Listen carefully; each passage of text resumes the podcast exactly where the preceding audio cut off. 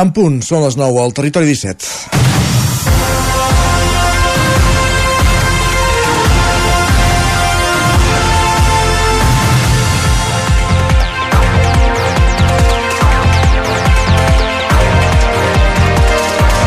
Seguint les mobilitzacions del sector primari dels de, de les darreres setmanes en països europeus com Alemanya i França en contra de la política agrària comuna i la burocratització del sector, avui la pagesia catalana surt al carrer amb la intenció de fer sentir la seva veu a cop i de tallar carreteres amb columnes de tractors arreu del Principat.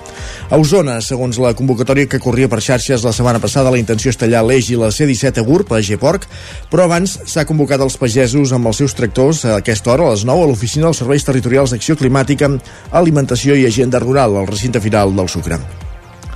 D'allà sortiran dues columnes de tractors cap a la confluència dels dos, dels dos eixos que travessen, que travessen la comarca d'Osona, de nord a sud i de llevant a ponent. L'assemblea de la plataforma 6F a Osona i el Lluçanès ha fet un manifest que demana un canvi de model productiu de l'agroindústria cap a alguna sobirania alimentària a partir de circuits curts i de proximitat. La greu situació de la pagesia davant els costos desmesurats i els efectes de la sequera també els posen sobre la taula sindicats com Unió de Pagesos, que finalment també s'han adherit a la mobilització d'aquest matí. Des del territori 17 us seguirem donant veu a alguns dels pagesos que avui seran al carrer, coneixent de primera mà quines són les seves reivindicacions. Serà a partir de dos quarts de 10 a l'hora de l'entrevista.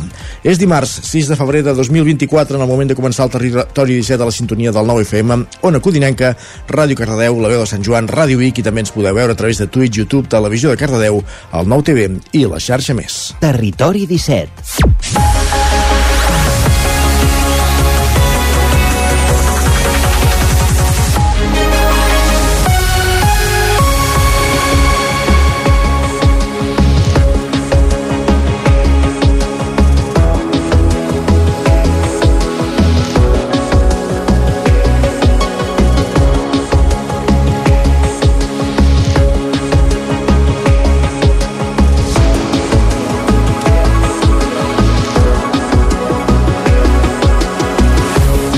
Dos minuts que passen de les 9 del matí en el moment de començar el territori 17 d'aquest matí de dimarts 6 de febrer de 2024, matí marcat per les mobilitzacions del sector primari, per les mobilitzacions dels pagesos. En parlarem, com dèiem, al llarg del territori 17 d'avui. Abans, però, comencem el programa repassant el sumari, repassant el més destacat que us oferirem a l'antena durant les dues properes hores, durant les dues hores del territori 17, entre les 9 i les 11. En aquesta primera mitja hora abordarem les notícies de les nostres comarques, l'actualitat del territori 17, en connexió amb les diferents emissores que dia a dia fan possible aquest programa, també farem un, un cop d'ull al cel amb el nostre home del temps, en Pep Acosta, i anirem fins al quiosc per repassar quines són les portades dels diaris del matí en companyia d'en Sergi Vives. A partir de dos quarts de deu pugem al tren a la Trenc d'Alba amb l'Isaac Muntades, recollint les cròniques dels oferts usuaris de la línia de tren Barcelona-Granollers-Vic, Ripoll-Puigcerdà, en aquesta setmana que s'ha reprès la circulació a la línia, no sense incidències, hi havia eh, retards eh, amplis eh, els diferents trens que feien el recorregut entre Barcelona i Puigcerdà. A l'entrevista, com dèiem ara a la portada, anirem, establirem punt de connexió amb el recinte final del Sucre de Vic. Allà aquesta hora hi ha convocada aquesta eh, manifestació de la plataforma 6F de la pagesia eh, davant dels serveis territorials d'acció climàtica i a partir d'aquí eh, columnes de tractors s'han de desplaçar cap a un punt de la C-17 i l'eix transversal, la confluència de les dues carreteres a Gurb, davant de G-Porc, sortiran dues columnes, una per entrar eh, a, a la C-17 en sentit nord i l'altra en sentit sud, per tallar la via completament cap a mig matí. Coneixerem més detalls amb alguns dels protagonistes que són en aquesta manifestació.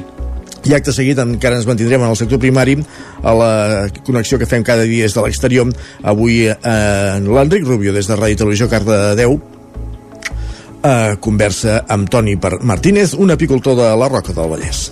Notícies a les 10, la previsió del temps i a la secció d'Economia, com cada setmana amb en Joan Carles Arredondo, parlarem dels grans beneficis de la banca, o com ens apunteja entre parèntesi, dels accionistes de la banca, dels grans beneficis dels accionistes de la banca, ara després de conèixer els números, els tancaments dels exercicis del 2023 dels grans bancs la setmana passada els presentava tant CaixaBank com el BBVA com el Banc Sabadell i avui en parlarem amb Joan Carles Arredondo. I a la darrera mitja com cada dimarts, primer ens endinsarem al món de Twitter amb en Guillem Sánchez, repassant les pilades més destacades de les darreres hores i acabarem el programa amb el podcast del racó de pensar amb la Maria López i avui centrant-nos amb l'eutanàsia. Passen 5 minuts de les 9 del matí i ens posem en dansa al territori 17 amb les notícies més destacades de les nostres comarques, el Vallès Oriental, Osona, el Ripollès, el Lluçanès i el Moianès, que són les notícies del territori 17. Territori 17.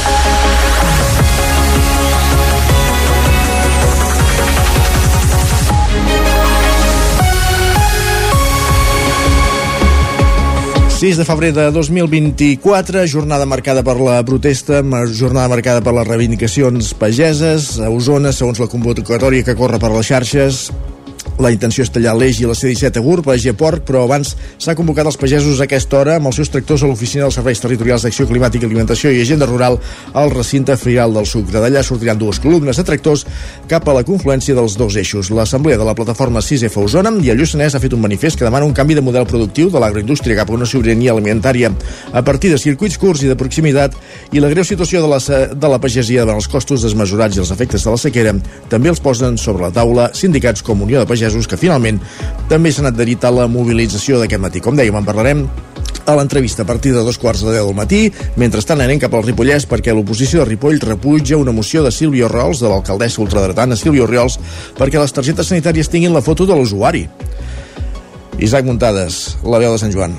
L'oposició en bloc de l'Ajuntament de Ripoll va fer servir la força dels 11 regidors que la componen per tombar una moció presentada per l'equip de govern d'Aliança Catalana en el darrer ple que demanava a la Generalitat de Catalunya que s'editin noves targetes sanitàries amb la fotografia de l'usuari perquè el personal dels centres d'atenció primària, els hospitals i les farmàcies puguin verificar la identitat del pacient. L'alcaldessa Sílvia Oriols va defensar la proposta dient que la sanitat pública catalana era víctima de l'estafa reiterada de les màfies. També deia que als centres sanitaris no es comprova la identitat a través del DNI o el passaport, un fet que, segons segons ella, propicia que diverses persones facin un ús d'una mateixa targeta cometent frau. Els catalans paguem molts diners per garantir l'accés a una bona sanitat pública i no és just que a través d'astúcies i de fraus de tercers vegem deteriorat el servei, ampliades les llistes d'espera i reduïts els recursos en tractaments, en alguns casos fins i tot en tractaments vitals. No pot ser que un immigrant il·legal arribi aquí i tingui barra lliure per fer ús d'uns serveis que nosaltres hem pagat amb el nostre esforç. Oriols lamentava que Catalunya fos l'ONG d'Europa i que havia de virar el rumb per ser un estat lliure, viable i pròsper.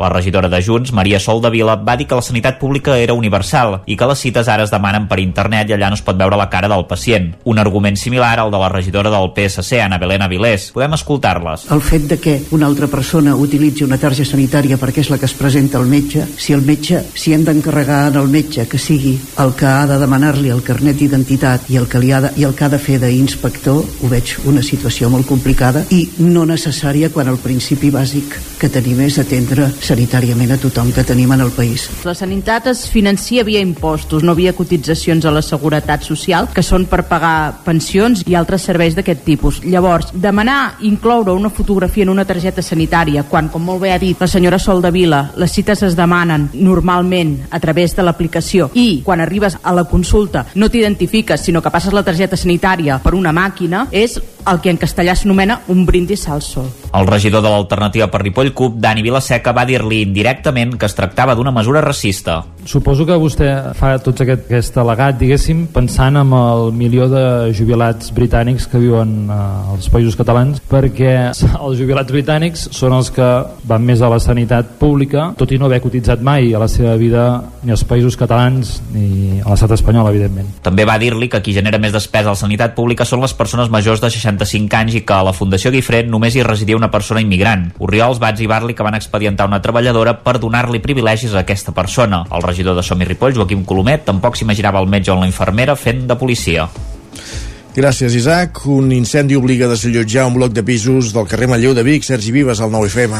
Segons els bombers de la Generalitat, que van rebre l'avís uh, poc després de les 10 del matí ahir, el foc es va originar en un restaurant que hi ha als baixos de l'edifici. El foc l'hauria originat un curtcircuit a la cuina elèctrica de l'establiment.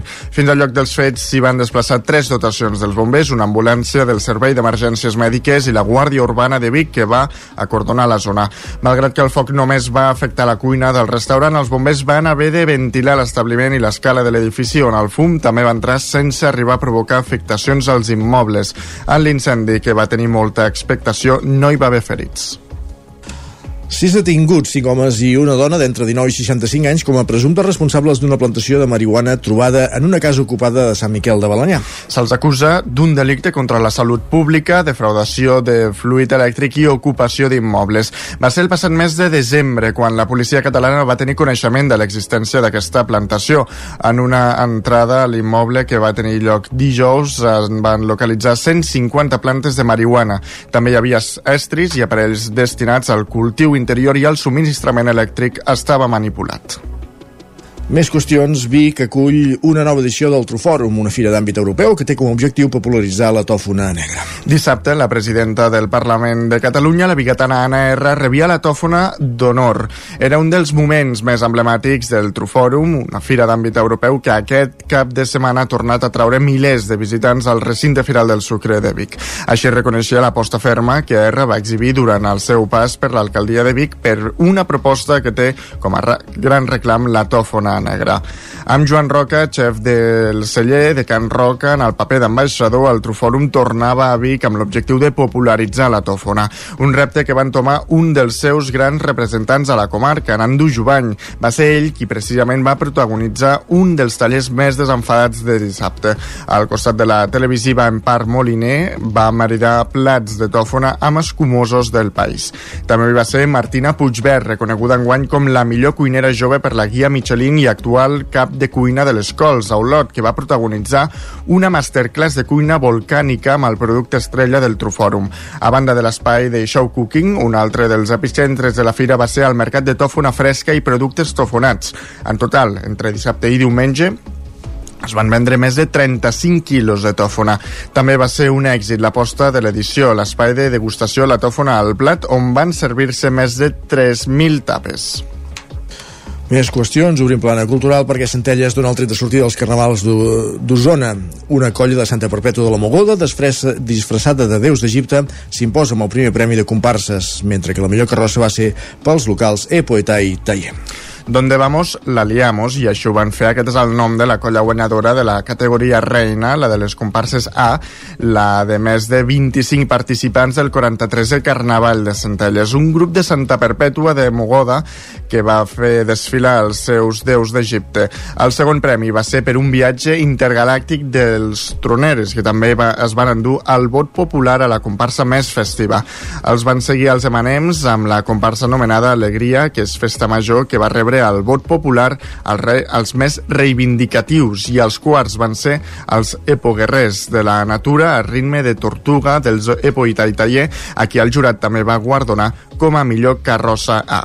El cinquens va ser els amics i parents de amb la sardina a la llauna, que també va mereixer el vot popular a la comparsa més sostenible. Tots participaven en una rua multitudinària en què hi va participar un miler de persones i que obria la temporada de carnavals. En comparsa B, el primer primer premi va ser per als tragaboles de la colla No en sabem, seguits dels cucuts clans dels constants. Aquesta colla també va construir la que va, es va considerar la millor carrossa de la categoria. Els Fire Protectors dels Happy Party van ser tercers, seguits de l'Alfa Verdruna Sagats Cors. I el pre primer premi en la categoria individual va ser per als Carcamalians. I més carnavals perquè la figura d'un cíborg, meitat humà i meitat robot, serà el protagonista del Carnestoltes a Caldes de Montbui, Roger Rams, zona codinenca. Bon dia, què tal? De, noms, de, noms del Carnaval de Centelles a banda. Eh? Caldes de Montbui concentrarà el gruix dels actes emmarcats en el Carnaval aquest proper dissabte, dia 10 de febrer, amb el concurs de disfresses a partir de les 5 de la tarda i la tradicional rua que arrencarà a dos quarts de set des de la zona del Bugarai i que finalitzarà al mateix espai al punt de les 8. Com cada any, un dels moments més esperats és la crema del ninot Carnestoltes al finalitzar la festa. La figura, enguany, l'han fet els alumnes del taller d'art de Caldes i s'ha presentat ja aquests dies dies en aquesta ocasió, tal i com explica la directora del taller d'art de Caldes, Yolanda Molina, el ninot serà un cíborg, una fusió entre humà i robot. És la representació que els alumnes del taller d'art eh, fan de l'ésser humà del futur, de com viurà, com serà, des de la seva vessant tecnològica com, com humana. Els grups d'adolescents, que en tenim quatre, s'han inspirat en, en l'artista catalano-irlandès Neil Harbison, eh, que és el que té una antena implantada al cap per, per veure doncs, eh, els colors, ja que és daltònic, doncs s'han inspirat en aquest, en aquest artista per crear eh, com una mena de cíborg de, del futur. Raquel Burgaroles és una de les alumnes encarregades de dissenyar el ninot i explica com ha sorgit la idea. Vam partir com de la... Cada any tenim una temàtica, no? i aquest any era la màquina del temps, i llavors vam pensar com una mica així en el futurisme, no sé, com podríem ser l'humà del futur, i llavors ens va venir al cap aquells artistes eh, que tenen antenes o san, com són cíborgs, i llavors doncs vam tirar d'aquí i doncs ha sortit això. Amb l'objectiu de centralitzar la festa en un sol punt de Caldes, enguany tots els actes emmarcats en la celebració del Carnaval, com són la crema del ninot o el mateix concurs de disfresses, es faran a la zona esportiva del Bugarai i no en diverses ubicacions com passava fins ara. Gràcies, Roger. Acabem aquí aquest repàs informatiu, no sense abans recordar que aquest és un matí de mobilitzacions, es mobilitza el sector primari i ho fan, per exemple, aquí a la comarca d'Osona, a la ciutat de Vic, a aquesta hora estan convocats eh, els tractors, els pagesos, a les oficines del Departament d'Acció Climàtica, al recinte final del Sucre de Vic i a partir d'aquí, eh, un cop eh, lliurat el manifest de la jornada als serveis territorials, es dirigiran cap a un punt de la C-17 i l'eix transversal, a la confluència de les dues carreteres, C-17 i C-25, a Gurb, amb la intenció de tallar la carretera. Ho faran amb dues columnes, una que sortirà per la carretera de Prats per tallar l'eix i la C-17 en sentit Ripoll-Girona i l'altra que es dirigirà per l'antiga nacional fins a Xocovic per accedir a la mateixa via però en sentit Lleida i Barcelona. I serà cap a mig matí que està previst fer aquesta, aquest tall de carreteres a la comarca d'Osona. Hi ha talls previstos a tot el país convocats per la plataforma de pagesos 6F per denunciar la situació del sector, per demanar suport institucional per, en contra de la burocratització, els efectes de la sequera, per moltes qüestions. Avui la pagesia surt al carrer, com han fet ja els seus col·legues d'altres països europeus anteriorment, com Alemanya i França.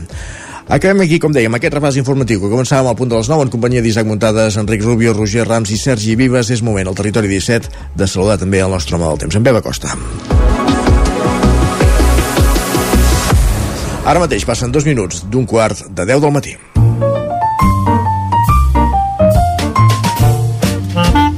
Casa Terradellos us ofereix el temps. Ona Codinenca, Pep Acosta, benvingut, bon dia. Hola, què tal? Molt bon dia, com esteu?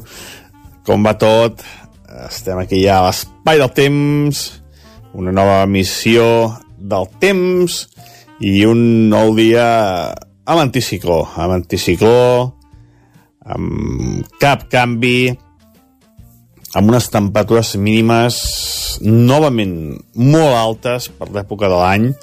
Es parla molt, eh, de, de les màximes, que hi ha hagut rècords de temperatura aquests últims dies. Uh, per ser mes de febrer hi ha hagut això, han saltat rècords de fa molts anys, i per tant és una molt mala notícia, però es parla poc de les mínimes, les temperatures mínimes, que també són altíssimes i que són del tot anòmales, amb molt poques glaçades. Avui, per exemple, mínima 6 graus a, a Cacetersol, a Mollà també 5 graus, a Sant Feliu 6 graus, més fredes cap a les zones més enclotades cap a Osona, Plana Vic, 0, 1, 2 graus, però bueno, mm, les glaçades són mínimes, eh, no fa fred, eh, això no ajuda a res, i, i bueno, ja som, a, ja som a, al febrer ben avançat, no sé, no sé, ja les glaçades poques n'hi hauran, mm, molt males notícies, sens dubte, aquest any, un any de molt poques glaçades, eh, de molt poc fred, un hivern eh, molt, molt atípic. Mm.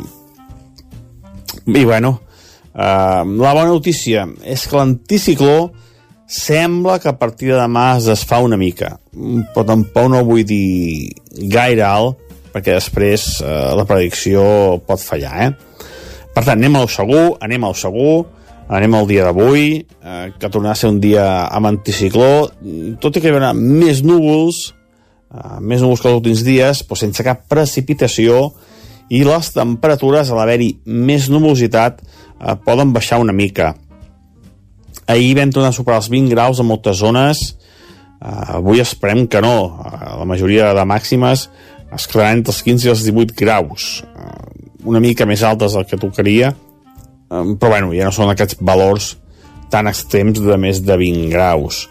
Uh, com dèiem, nuvolositat, hi ha bastants núvols, no és, no és que passi cap front, però bueno, hi ha una mica més d'humitat, uh, hi ha una mica més de, de nuvolositat, uh, però com deia, ni una precipitació. Els vents també molt febles, ja que continua aquest anticiclo sobre impedeix que els vents siguin, siguin forts, Eh, alguna boira a aquesta hora del matí, però de seguida s'hi dissiparà, i en definitiva un temps anticiclònic, amb cap novetat avui, i esperem a veure, veiem els dits els pròxims dies que hi hagi una mica de novetat, mm, però serà poca, eh? I, i la pluja que vindrà, eh, sens dubte, no solucionarà la sequera ni de bon tros. Pot parar una mica, però, bueno, serà molt poca cosa. Això és tot, a disfrutar d'aquest eh, dimarts i aviam de base ja porto una informació sobre aquest allunyament de l'anticicló que tenim a sobre des de fa tres setmanes. Moltes gràcies, adeu. Gràcies, Pep. Uh, nosaltres avancem al territori 17, parlem d'aquí una estoneta. Coneixerem més detalls de la previsió meteorològica d'aquesta jornada de dimarts. Casa Tarradellas us ha ofert aquest espai. Territori 17. Envia'ns les teves notes de veu per WhatsApp al 646 079 023. 646 079 023. WhatsApp Territori 17.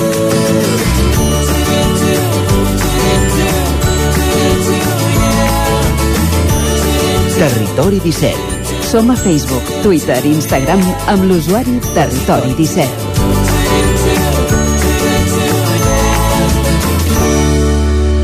8 minuts perquè siguin dos quarts de 10 del matí, temps per anar al quiosc, abans però fem un apunt d'actualitat perquè des del Servei Català de Trànsit que hi ha anuncien diverses aturades, talls d'afectacions a la xarxa viària a causa de la mobilització de la pagesia i un d'aquests ja ens expliquen que és a Agurp, a la C-17 en sentit Ripoll, entre els quilòmetres 60 i 62 per tant ja hi començaria a haver les primeres afectacions de trànsit arran d'aquesta mobilització pagesa, com dèiem, segons informa el Servei Català de Trànsit, ara mateix hi ha problemes, hi ha aturades per mobilització, per manifestació a la carretera C-17 en sentit nord entre Vic i Gurb, entre els, 60, els quilòmetres 60 i 62. I també aquest matí hi ha hagut un accident a l'eix transversal a Santa Maria d'Oló i això també provoca encara circulació en amb, res, amb congestió a l'altura de Muntanyola de, de l'eix transversal, en aquest cas en sentit eh, Manresa. Més qüestions. Uh, avancem al territori 17. Temps per anar al quiosc.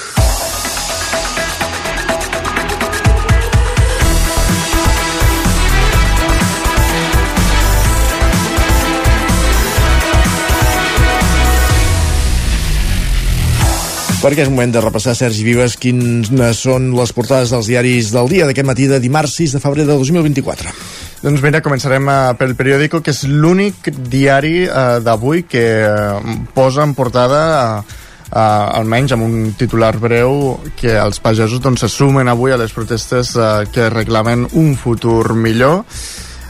També diuen que el fiscal demana més proves per jutjar per terrorisme Puigdemont. Expliquen què proposa que García Castellón segueixi investigant Tsunami al veure els indicis massa oberts. La Vanguardia diu que Carles III anuncia que té càncer. Expliquen que el rei suspèn per ara les seves aparicions públiques, però continua treballant. També diuen que, la, que Rivera descarta unir la xarxa de l'Ebre a Barcelona i prioritza els vaixells cisterna. Expliquen que el govern central pagarà l'aigua de la desalinitzadora de Sagunt, que es portarà a Catalunya, i la Generalitat assumirà la factura dels vaixells i l'obra de connexió al port. Lara diu que l'impacte destaca l'impacte de la immigració en la llengua. Es pregunta qui aprèn català. Diu que el 59% dels nascuts a fora se sumen al castellà i necessitarien entorns catalanoparlants per adquirir la llengua i practicar-la. També eh, diu, eh, diuen eh, l'ara que la víctima d'Albes relata l'infern que ha viscut. Expliquen que la declaració ahir a porta tancada de la víctima del futbolista Dani Alves en primera sessió del judici va ser molt concreta, tant en els detalls de l'acusació de la violació, uns fets que fa poc més eh, que van passar fa poc més d'un any, com l'infern que ha viscut des d'aleshores. I el punt avui, avui eh, posa el focus amb la teranyina ultra. Diuen que la dreta radical i populista reforça amb la crisi de les democràcies i estan als seus tentacles a diversos continents. Tot plegat això pel que fa a portades catalanes, portades espanyoles, el País diu que Sánchez ofereix a Junts limitar els, places, els plaços de, la, de les instruccions judicials. Expliquen que el govern planteja aquesta reforma a canvi de no tocar la llei d'amnistia.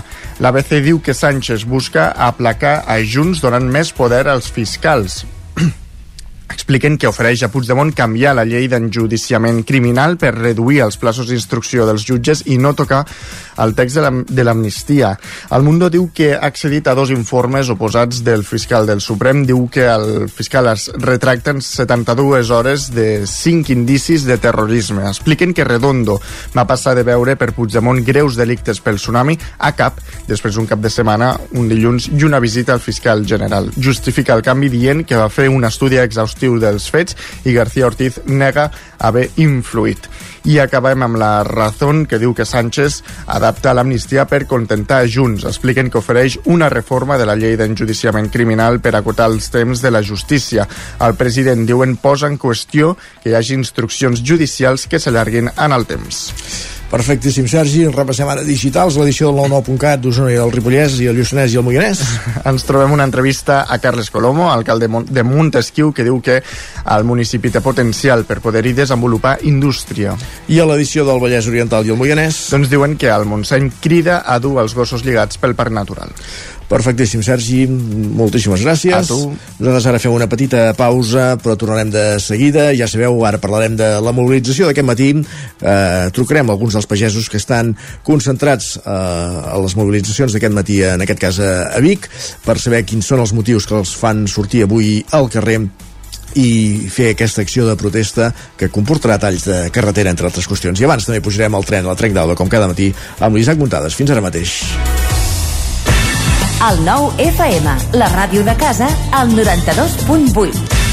Menja ràpid, menja fàcil, el trinxat de les Cerdanyes diu Carlit. Mmm, boníssim!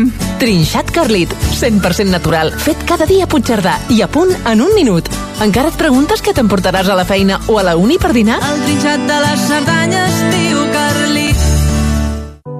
Cobertes serveis funeraris.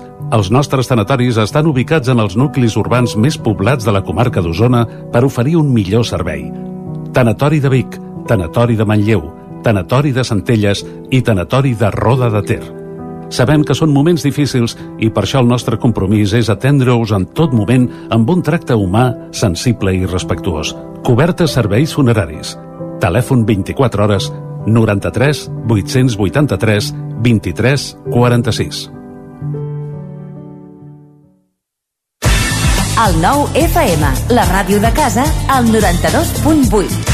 Dos minuts perquè siguin dos quarts de 10 del matí. Avui és dia de mobilitzacions. La pagesia es, es mobilitza per moltes qüestions. Una d'elles és l'efecte, els efectes i les conseqüències de la sequera. I és que Catalunya està en emergència per sequera.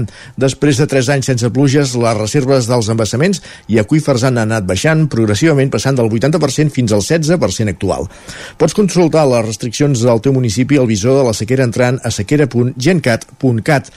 A més, recorda que pots contribuir a l'estalvi d'aigua amb molts petits gestos, com tancar l'aixeta mentre et rentes les dents, prioritzar la dutxa en comptes de la banyera, no fer servir el vàter com si fos una paperera o posar la rentadora només quan és plena.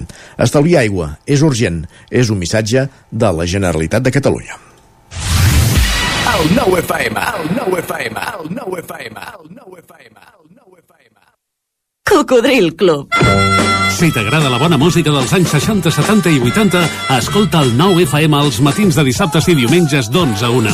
És el temps del Cocodril Club, tot un clàssic de la ràdio, amb les bases del pop-rock, les llegendes, les cançons que s'han convertit en autèntics himnes. Recorda, dissabtes i diumenges al matí, d'11 a 1, al 9 FM 92.8. Cocodril Club, el programa revival de l'Albert Malla.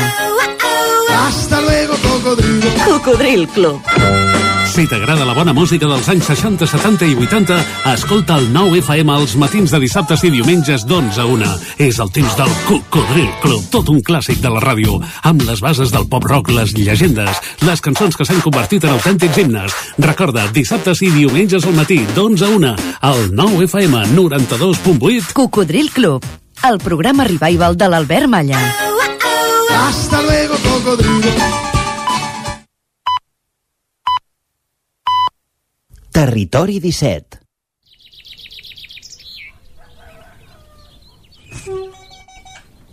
A Tren d'Alba.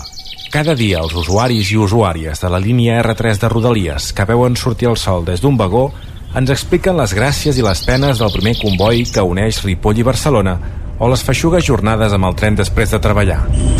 Benvinguts a Tren d'Alba. Doncs mireu, Rodalies de Catalunya iniciarà el servei comercial de la nova línia RL3 Lleida-Cervera de Rodalia de Lleida. La RL3 efectuarà parada a Lleida Pirineus, Belllloc d'Urgell, Mollerussa, Golmes, Castellnou de Seana, Bellpuig, Anglesola, Tàrrega i Cervera de Sagarra aquesta primera quinzena de febrer. La posada en servei prevista per aquest dilluns s'ha ajornat i ara es treballen que es pugui fer el més aviat possible i com a màxim aquesta primera quinzena de febrer. De dilluns a divendres, la nova oferta incorporarà 8 nous serveis diaris, 4 per sentit, entre Lleida i Cervera. D'aquesta manera, la nova línia RL3 disposarà de 7 freqüències per sentit, a les que s'hi han de sumar 3 trens de la línia R12 que enllaça el Segrià amb Manresa i Barcelona, per fer un total de 10 serveis per sentit entre Lleida i Cervera. Per posar en marxa aquesta nova línia, el Departament de Territori i Renfe han treballat de forma conjunta per millorar el servei de transport ferroviari a l'àmbit de Lleida i les seves rodalies. Aquesta primera fase serà una realitat en els propers 15 dies i es continua treballant i planificant noves actuacions en el servei de la Rodalia de Lleida. Va, ens retrobem demà amb més històries del tren i de l'R3. Territori 17.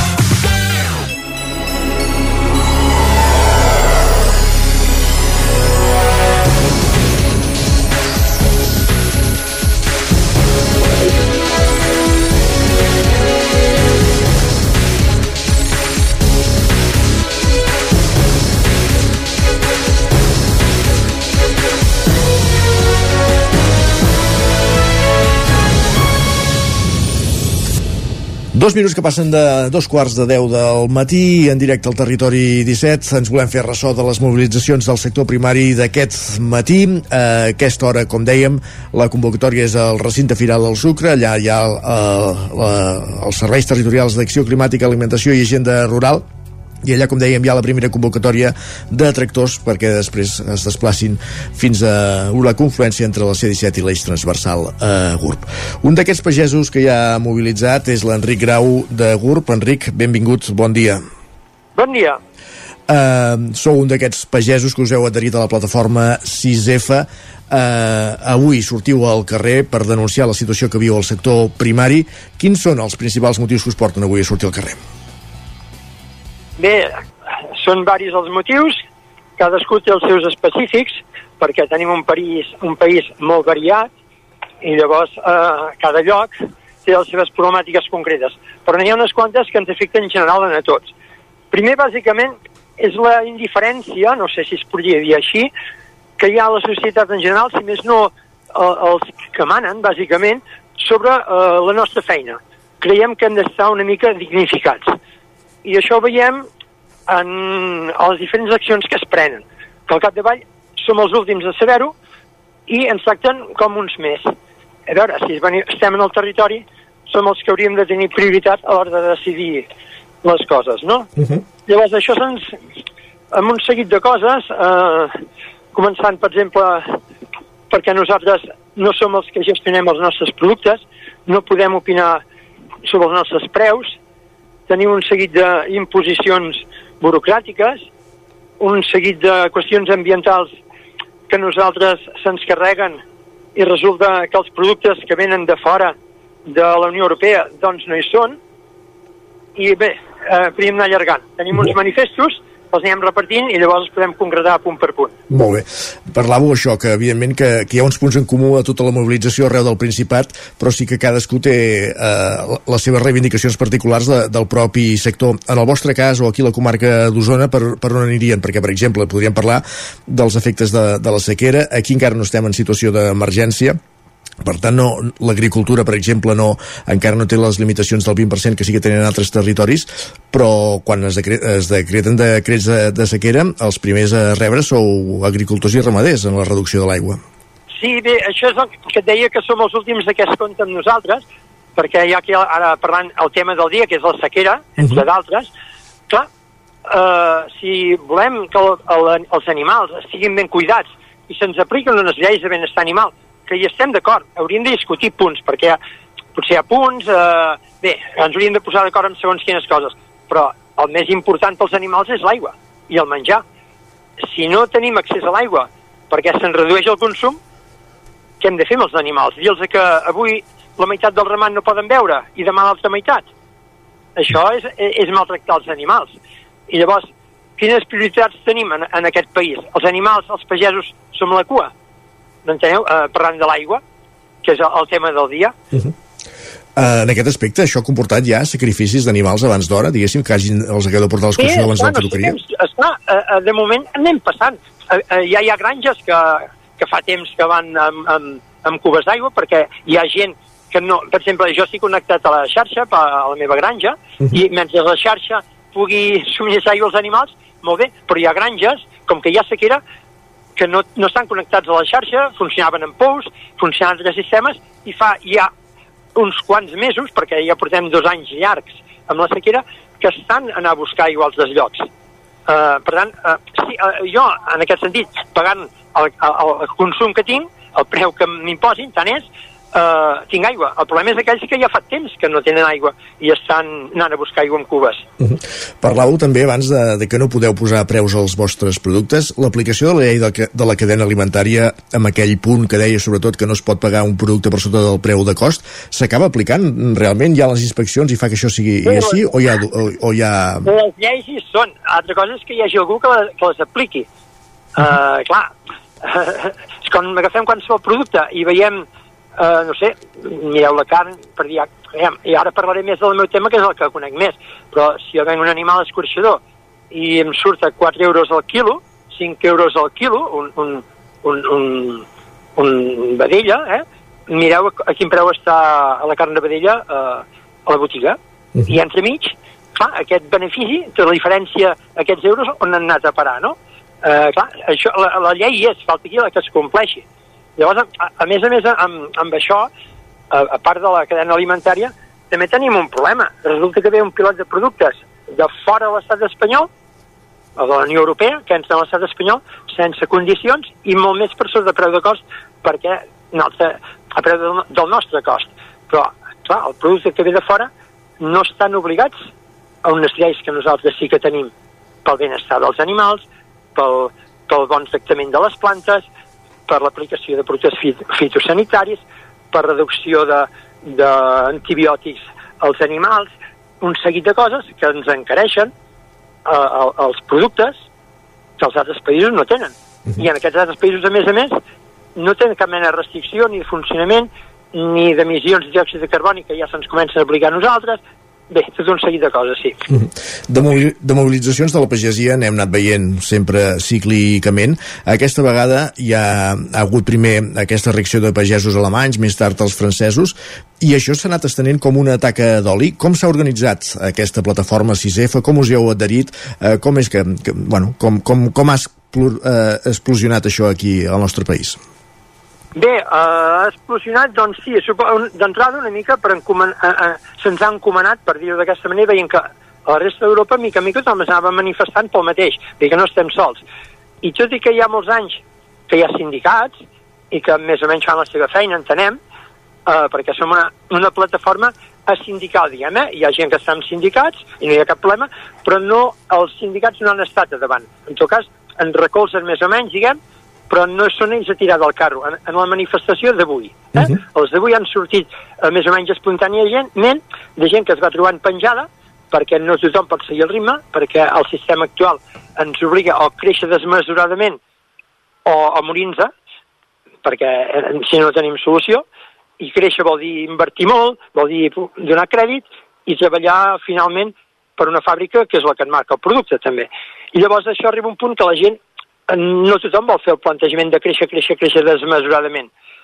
I, eh, i veu que els sindicats que potser més recolzen aquest plantejament d'empresari eh, tenen la gent desemparada. I llavors, per diferents punts, per diferents cadascú els seus motius, doncs hem anat confluint, mira, un s'emprenya, ho diu amb el veí, amb, amb, l'altre que hi treballa, i així s'han encomanant i han sortit aquestes plataformes molt espontànies arreu del ter territori, mm, organitzades més o menys a nivell de comarques i s'han organitzat així molt espontàniament i via WhatsApp.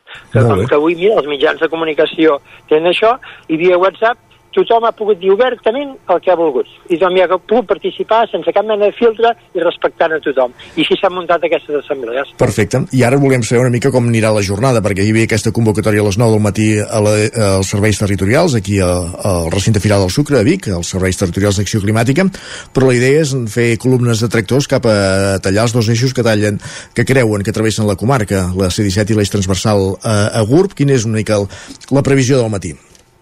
Sí, ens sap greu emprenyar tothom, però si emprenyes a, a, a la gent resulta que no, ningú es fa càrrec dels seus problemes. Uh, la, la intenció és aquesta. Avui és tallar l'eix transversal, la C25 i la C17, uh, aquí GURB, uh, en el nostre cas, aquí a la comarca d'Osona, eh? uh, amb gent vinguda des de, de Mollà, de Prats, de Ripoll, bé, de, de tots els voltants de la comarca, i ens trobarem aquí. I tindrem l'ocasió de debatre com que ens podem veure tot el dia, obertament, per fins on ho podem portar a fi. No sé, eh, veurem com es desenvolupa eh, el dia i com també ens comuniquem amb les altres plataformes que hi ha a les altres comarques que faran talls, amb la possible intenció, amb la possibilitat a l'aire, que ho diciem avui, d'anar a direcció a Barcelona. Eh, això, avui, el plantejament, bàsicament, és aquest. I ser, seria avui que baixaríeu a Barcelona o, o un altre eh, dia? Hem de decidir. Hem de decidir, veiem com es desenvolupa el dia, veient quins suports, si és que els polítics eh, reaccionen d'alguna manera. Ahir sentia el ministre, el senyor ministre, que deia que no pateixi la població, que hi ha abastiment per tots i que ningú passarà, passarà fam, no? Uh -huh. Bé, eh, si el, la primera reacció dels que manen és dir calmar la gent i que no venen a, a parlar no sé, amb els pagesos que estem indignats no per gust, perquè tenim la nostra feina. I els hem deixat animals i els hem de cuidar com bonament puguem aquests dies. Està Bé, clar. no sé, veurem, veurem els representants polítics què diuen avui. Enric Grau, eh, ramader pagès de, de GURB, eh, membre d'aquesta assemblea de la plataforma 6F, que, avui es mobilitza. No sé si sou al Sucre, si hi ha molt d'ambient de tractors ara mateix. Sí, o... ara estic al sucre, estic a fora, perquè hem, el- per, no, per no estar al mig del merder, està tot col·lapsat aquí, Molt bé. perquè si no podria parlar amb tranquil·litat, a fora no hi ha trànsit de gent, tinc tots els companys a, pagesos a, a dins a, al departament, i jo estic a fora. Vull dir que no en sé ara quan entri dins, perquè m'heu enganxat que jo baixava amb el tractor a la manifestació un cop he acabat de deixar els meus animals mínimament cuidats, i ara ens veurem amb els meus companys, i a partir d'aquí doncs aclarirem a, ve a veure què fem, i bé, a veure com tirem endavant. Una cosa que va sortir espontàniament, emprenyats i veient que la gent s'hi ha anat afegint perquè tothom eh, està que no pot, doncs eh, anem fins aquí. Perfectíssim. Enric Grau, moltíssimes gràcies per atendre'ns aquest matí, que vagi molt bé aquesta jornada de mobilitzacions. A vosaltres. Bon fins dia. després. Fins ara. Tenim més protagonistes d'aquest matí també relacionats amb aquesta jornada. Eh, ho deixava bastant clar Enric Grau. És una, una plataforma, una assemblea que, anat, que ha anat creixent com a taca d'oli amb tot tipus de, de pagesos ramaders, independentment de si estaven sindicats o no, però també és cert que sindicats com Unió de Pagesos ahir s'adherien també a aquesta mobilització i avui volíem també portar a l'antena el coordinador d'Unió de Pagesos a Osona i a Lluçanès, que és l'Oriol Rovira i que també està, si no tenim malentès, en aquesta marxa de tractors. Oriol, benvingut, bon dia. Hola, bon dia. Ets al Sucre també?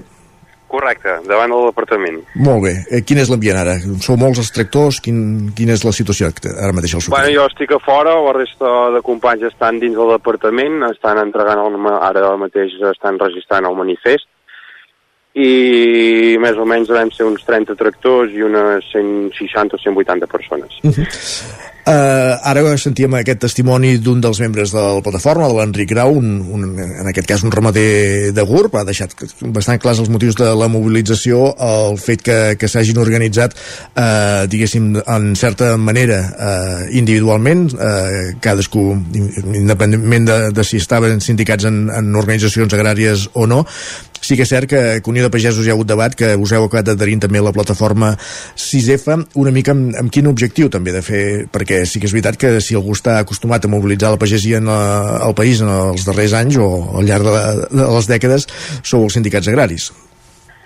Bé, eh, hem vist que hi havia un moviment molt fort des de les bases, per dir d'alguna manera, llavors hem intentat donar resposta eh, al final que és el, el, nostre, el nostre sector.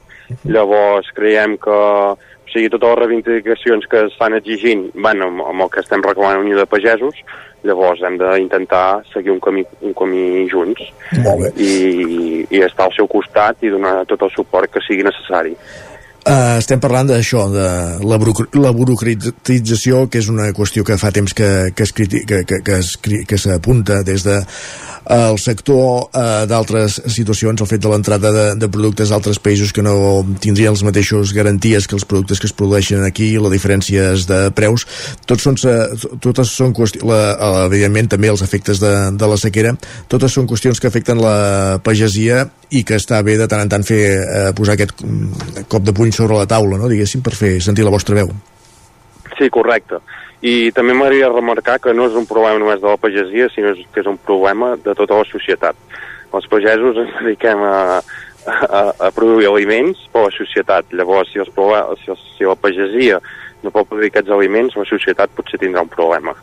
Llavors, estem acostumats que tenim un, un món molt globalitzat i que mai falta res, però podent-nos autovestir a nivell català és, crec que és molt important també per, per, un, per uns preus justos tant per a, per a la pagesia com per al ciutadà quan va al mercat, al supermercat o, o a la botiga del poble. Ara parlaves, Oriol, de, de preus justos. Eh, ho comentàvem també abans amb l'Enric. Hi ha una llei de la cadena alimentària que, de, que diu que el, que, que, que el preu que es paga al ramader per la seva feina, per elaborar el seu producte, evidentment que ha d'estar per sobre del preu de cost. Això sempre eh, es garanteix o hi ha situacions més crítiques que d'altres? Més aviat al contrari. Uh, fa un parell o tres d'anys hi van haver-hi unes fortes mobilitzacions pel tema de la llet perquè es pagava per sota preu de cost, per exemple. I i en moltes altres, o la majoria de, de productors que van a vendre sobretot amb, amb empreses més grans o, o agroindústria o, o els grans supermercats, moltes vegades costa que hi hagi uh, aquest preu per sobre el preu de cost.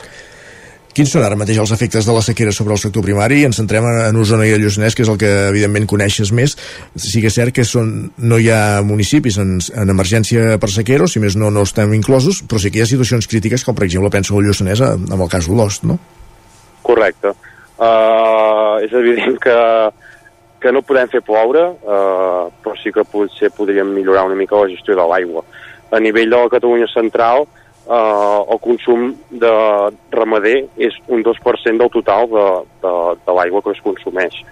Llavors, a vegades penso que se'ns se, se està acusant a la pagesia de, de fer coses que realment no són així.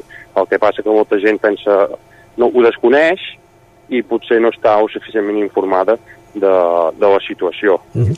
I també hem de tenir clar que per fer aliments necessitem aigua. Si plantem un enciam, aquell enciam ha de necessitar aigua un, una bestiola necessita veure. Llavors hem de decidir si volem una nevera plena o volem viure, doncs no sé de què viurem si no tenim una nevera plena. Uh, les restriccions que hi ha al consum de, de l'aigua per l'agricultura i la ramaderia, què han comportat fins ara mateix a, a les nostres comarques, diguéssim? Hi ha hagut sacrifici de bestiar, hi ha hagut menys producció de, menys producció de cereal, és evident, perquè estem en una, una comarca on es planta cereal de seca i si no plou no, no es cull però més enllà d'això, el que és l'aigua, diguéssim que sí que s'utilitza de, de boca, quins efectes està tenint ara mateix? Clar, sobretot els efectes més, més importants són uh, el tema del vestiment d'aigua a, les, a les granges. Llavors, uh, algunes zones on hi ha restriccions uh, els han reduït el 50% i llavors, per sort, encara hi ha algun lloc que hi ha aigua i llavors uh, hi ha aquest sobrecost de portar l'aigua d'aquests punts on hi ha aigua amb cisternes cap a, cap a la granja. Uh, ara mateix crec que no s'ha reduït massa el, el nombre de bestiar, però si això s'allarga molt temps és molt probable que tinguem conseqüències força greus. Uh -huh. Oriol Rovira, eh, coordinador eh, d'Unió de Pagesos Osona i Lluçanès, també és un dels pagesos que avui s'adhereix en aquesta mobilització de la plataforma 6F. Eh, no sé si eh, ens hem deixat res per comentar sobre la, la jornada o que vulguis afegir a l'antena. Bueno, eh, jo més que tot demanar a la població en general que, que entenguin les nostres mobilitzacions, els tenim els nostres motius i que tot esperem que sigui una jornada que tot vagi com ha d'anar i que, que puguem reivindicar com, com ens ho mereixem. Que així sigui. Oriol Rovira, moltíssimes gràcies i gràcies per atendre la, la trucada també del Territori 17, que vagi molt bé la jornada. Moltes gràcies. Bon dia. Bon dia. 10 minuts que falten per les 10 del matí i continuem parlant del sector primari. Ara ens fixarem amb el testimoni d'un apicultor, d'un productor de mel amb qui ha parlat la, amb qui parla l'Enric Rubio des de Ràdio Televisió Cardedeu.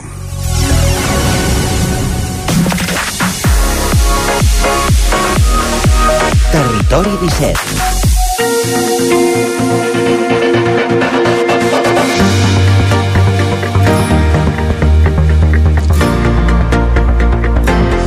Com cada matí temps per sortir a l'exterior, 9 minuts i mig que, passen per la, que falten perquè siguin les 10 del matí i, i el que fem, com dèiem, és conèixer Antoni Martínez, un apicultor, un productor de mel de la Roca del Vallès, amb qui conversa l'Enric Rubio, de Ràdio Televisió Cardedeu. Enric, benvingut, bon dia. Així és, Isaac. Avui ens hem desplaçat una miqueta lluny. Mira, actualment hi ha moltes crisis, però una de les que més ens pot afectar a mig termini i de la que menys se'n parla és de la desaparició de les abelles. Són molts els estudis que corroboren que aquest és un fet notori i que cada cop és més acusat. I si no tenim abelles, com es polinitzaran els fruiters i les hortalisses? Estudis del 2021 estimaven que un 70% dels conreus estan en perill. El fruit que n'extraiem d'elles no és només un, i són únics i inimitables, tant per les seves propietats com per les seves característiques. I és per això que avui ens hem desplaçat fins a la Roca del Vallès per parlar amb el Toni, un apicultor que lluita dia rere dia per tirar endavant aquesta forma de vida que tanta gent desconeix però que tanta gent subministra al preu del producte. Bon dia, Toni, com estàs? Hola, bon dia. Primer de tot, gràcies per acollir-nos a casa vostra. Per començar i situar-nos un xic, com vas iniciar-te en aquest món? Ve de molt lluny la cosa o...? Doncs mira, vaig començar com un hobby, eh, treballava en un camió i un dia vaig trobar un rus a la muntanya, Ostres. el vaig agafar, el vaig portar cap a casa i mira, d'un va sortir dos, dos, quatre, fins a 220 que Mare, o sigui, completament fortuït. O sigui, Sí, no és que sí, vingués a nivell familiar, potser una No, tradició... no, no. I fa molts anys, això? O... Farà, farà 17 anys. Déu-n'hi-do. Sí, déu sí. I va, va ser molt complexa? O sigui, vas haver d'informar? O... Sí, clar, vaig trobar un home que era professor de l'escola, ja jubilat, i ell m'ho va ensenyar. Vaig anar viu a Castellar? I va- anava cada cap setmana i ell m'ho ensenyava. Ostres, ostres, que o sigui, va, va venir de, amb una passió. Um, en, en el teu sí. cas, això que comentàvem al principi, has notat que, que la població d'abelles hagi anat minvant? La vespa asiàtica, per exemple, s'ha sumat en un moment que ja de per si és com bastant crític, no? Sí, la veritat que sí, perquè les abelles tenen molts problemes. Tenen àcars, que hi ha un àcar que es diu barroa destructor, que això és, està dintre de la caixa, sobre l'abella, i no es veu. I a més a més li sumes la vespa, que es posa a la porta i casa, i clar, en un mes de setembre, entre, entre la barroa, que es multiplica per cent dintre de la caixa si no es tracta, i la vespa a fora esperant-la, és que és, és, és total. I això es, es nota clarament a la producció, o sigui, deu baixar la producció de mel i de tot. Clar, quan arriba la tardor, si no tractes la barroa i no tractes les abelles, I els les nius, no, les asiàtiques, clar, que la gent pugui... has de posar trampes, eh, trampes elèctriques, has de buscar el niu si, si el trobes, perquè l'administració no, no dona No- no ningú suport. No, no. Uh, funcionen aqu aquests mètodes ara de, de... El més contra les asiàtiques? Sí. és trobar el niu. I ja està. I Però es el més- dispara, no?, les hormones. Clar, però és més difícil. Sí. Clar, posar trampes sí que va bé, però clar, és... Mates una i, i venen 50 enterrament. I no serà la reina precisament No, la que va clar. allà. És, és com, bueno, anar matant Sí. una petita part. és trobar el niu. I tant. I d'allà ja És difícil, clar, enmig de la muntanya, trobar el niu, impossible. I ara encara potser que els arbres estan sense fulles, però en plena temporada... Ara, ara ja està buit. La reina, quan arriba al desembre, s'enterra Mm, i fins que a la primavera ja surt. és, és dur, és dur. Per tant, podríem dir que és una feina tan bucòlica com dura, no? Potser eh, acaba, Sí, sí, sí. acaba tenint Té els seus aquestes... problemes i cada vegada és pitjor. Tenen moltes enfermetes que s'han de tractar i a més la vespa, que clar, és molt greu. us acaba di- dilapidant. Qualsevol zona és bona per poder-se dedicar a aquest ofici o la Roca té, és un d'aquests llocs que té quelcom especial No, per... la roca la tinc perquè és Per la meva residència. La, la, una, zona- una bona zona és on hi hagi flor. I I si hi ha una bona floració de romaní, allà a Montserrat les portes a Montserrat. Si va haver una floració a Olot, les portes a Olot. I tant. I quan arribi la primavera, doncs una bona floració a la roca i sortirà més de mil flors. La Roca, perquè són itinerants o estan fixes en un lloc? Com... No fan transhumants ja. Uau. Jo les agafo...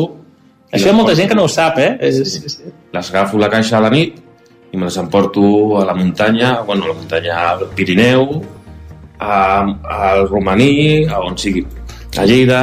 Això és Molta, curiós molta, perquè crec que molta gent no s'ho imagina, eh, que, que pugui passar com les ovelles, no? una miqueta entre Sí. cometes, no? de la transhumància que bé deies, i que es pensen que estan fixes en un lloc i d'allà no, No, no, sí, s'ha d'aprofitar tota la floració. I tant. I clar, des de que arribarà el febrer-març, que comença tot a florir, fins a que arribi la tardor, que ja comencen a, a hivernar una mica, eh, surten, no? Però els dies de fred no surten, sí. fins tot, tot aquests mesos pues, s'ha d'aprofitar al màxim. I, tant. I llavors eh, entenc que pots decidir, no? entre cometes, el tipus de mel que tindràs, perquè clar, dius, jo escollo aquesta mel, no? Exacte. que és o de romaní, o més potser de fruiters, no sé si és el cas, o, i, i hi ha molta diferència. Sí, hi ha diferència. Clar, també pots anar a fer la mel de, de castany. Exacte. Clar, hi ha, hi ha molts tipus de mels. I pots aprofitar farigola. Mm. Molt bona, i més ara de cara a, a l'hivern. Quines, quines són les tasques diàries que dus a terme? És a dir, hi ha algunes coses fixes que s'hagin de fer cada dia, sí o sí, o com és la vida d'un apicultor des que es desperta? La, les queixes, quan menys s'obrin, millor. Si s'obren molt, s'estressen i malament. Un bon arròs, això. Sí. pues has d'agafar, no tots els dies, però cada setmana ben bé les hauries de mirar cada, cadascuna. Clar, si tens moltes, quan acabes per una banda ja has de començar per l'altra. M'has dit 200? Quantes en tens ara mateix?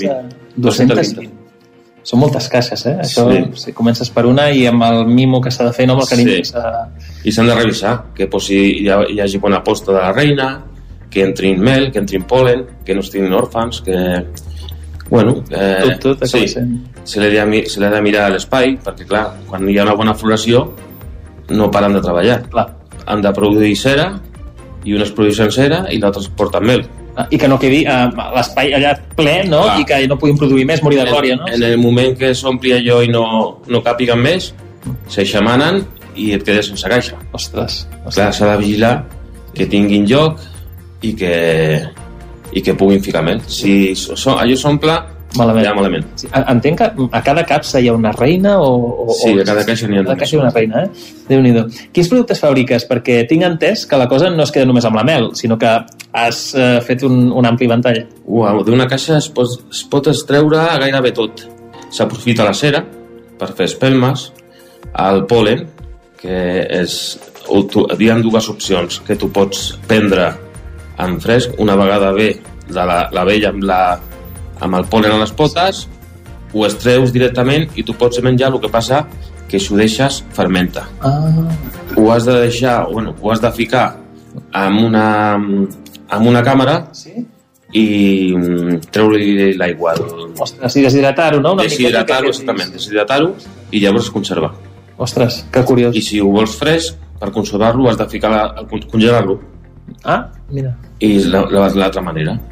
I també teniu, a, o sigui, feu espelmes, feu la mel, no? En aquest cas, llavors? Sí, també fem propoli. Les abelles agafen resina dels arbres Sí. i tots els forats de la caixa els tapen, els quadres de fusta, tot, ho impregnen, que és un antibiòtic natural, És la resina dels arbres. Jo co- co- conec bastant el pròpoli, mm. que em- aprenc sempre, però no sabia sí. que era la, la resina, concretament. i de certes plantes, certes arbres, els agafen i això eh, nosaltres posem una reixa a la caixa i ella plena de forats. I aquesta reixa l'omplen de propoli, clar, li treus la reixa i aquell propoli eh, sapiguem que, que, és, que és de l'any. Clar, la caixa està plena de propoli, però poder... Però pot ser de- Sí, porta 5 anys. Ja... Aquell és de la producció, el que sabeu que podem anar extraient. Es fica al congelador i una vegada que està congelat el treus i li dones un cop a la, aquesta reixa i ja està. Sembla mentida la de quin, quin, quin espectacle realment que és el tema de les abelles i quantes coses en surten, eh? Um, quina és la forma de distribució del producte en el vostre cas? Teniu algun lloc físic, internet o fires? Com, ho- com ho feu perquè la gent us pugui trobar? A la Roca tenim diversos negocis, bueno, diverses, diverses botigues i um, um, botigues de... Queviures, no? Que sigui així variades For, o- Fort de pa, uh, carnisseries i diversos llocs, i si no fem el tu a tu. Ah, molt bé. Clar. Això és bo. Em truquen i jo agafo i els hi porto a casa. Ah, carai, això, això no té preu, eh? Sí, I, tant, sí, sí. I, tant. I en alguna fira pot ser que us puguin trobar, sí, també? O... hi ha diverses fires que fan a la Roca i si no hi ha també... Aquí a Cardedeu, potser? O de per aquí la zona? A la Garriga, pròximament, faran la fira de la Botifarra. Sí, molt important, i tant que sí. I a la Roca, ara, pròximament, també, el dia 18, fan la... els tres tons. Sí, sí, sí. I allà hi serem. Doncs, uh, Toni, m'agradaria parlar molt més, però almenys les entrevistes aquestes que fem se'ns acaben molt de pressa, sempre necessitaríem més estona. Uh, moltes gràcies, jo pels oients que ens estan escoltant. Ara anirem a Fontom i, i m'ho ensenyarà ben de prop, ens cobrirem, que no, que no ens piquin i que demà pugui estar operatiu també, Isaac. Toni, gràcies per tot. Gràcies.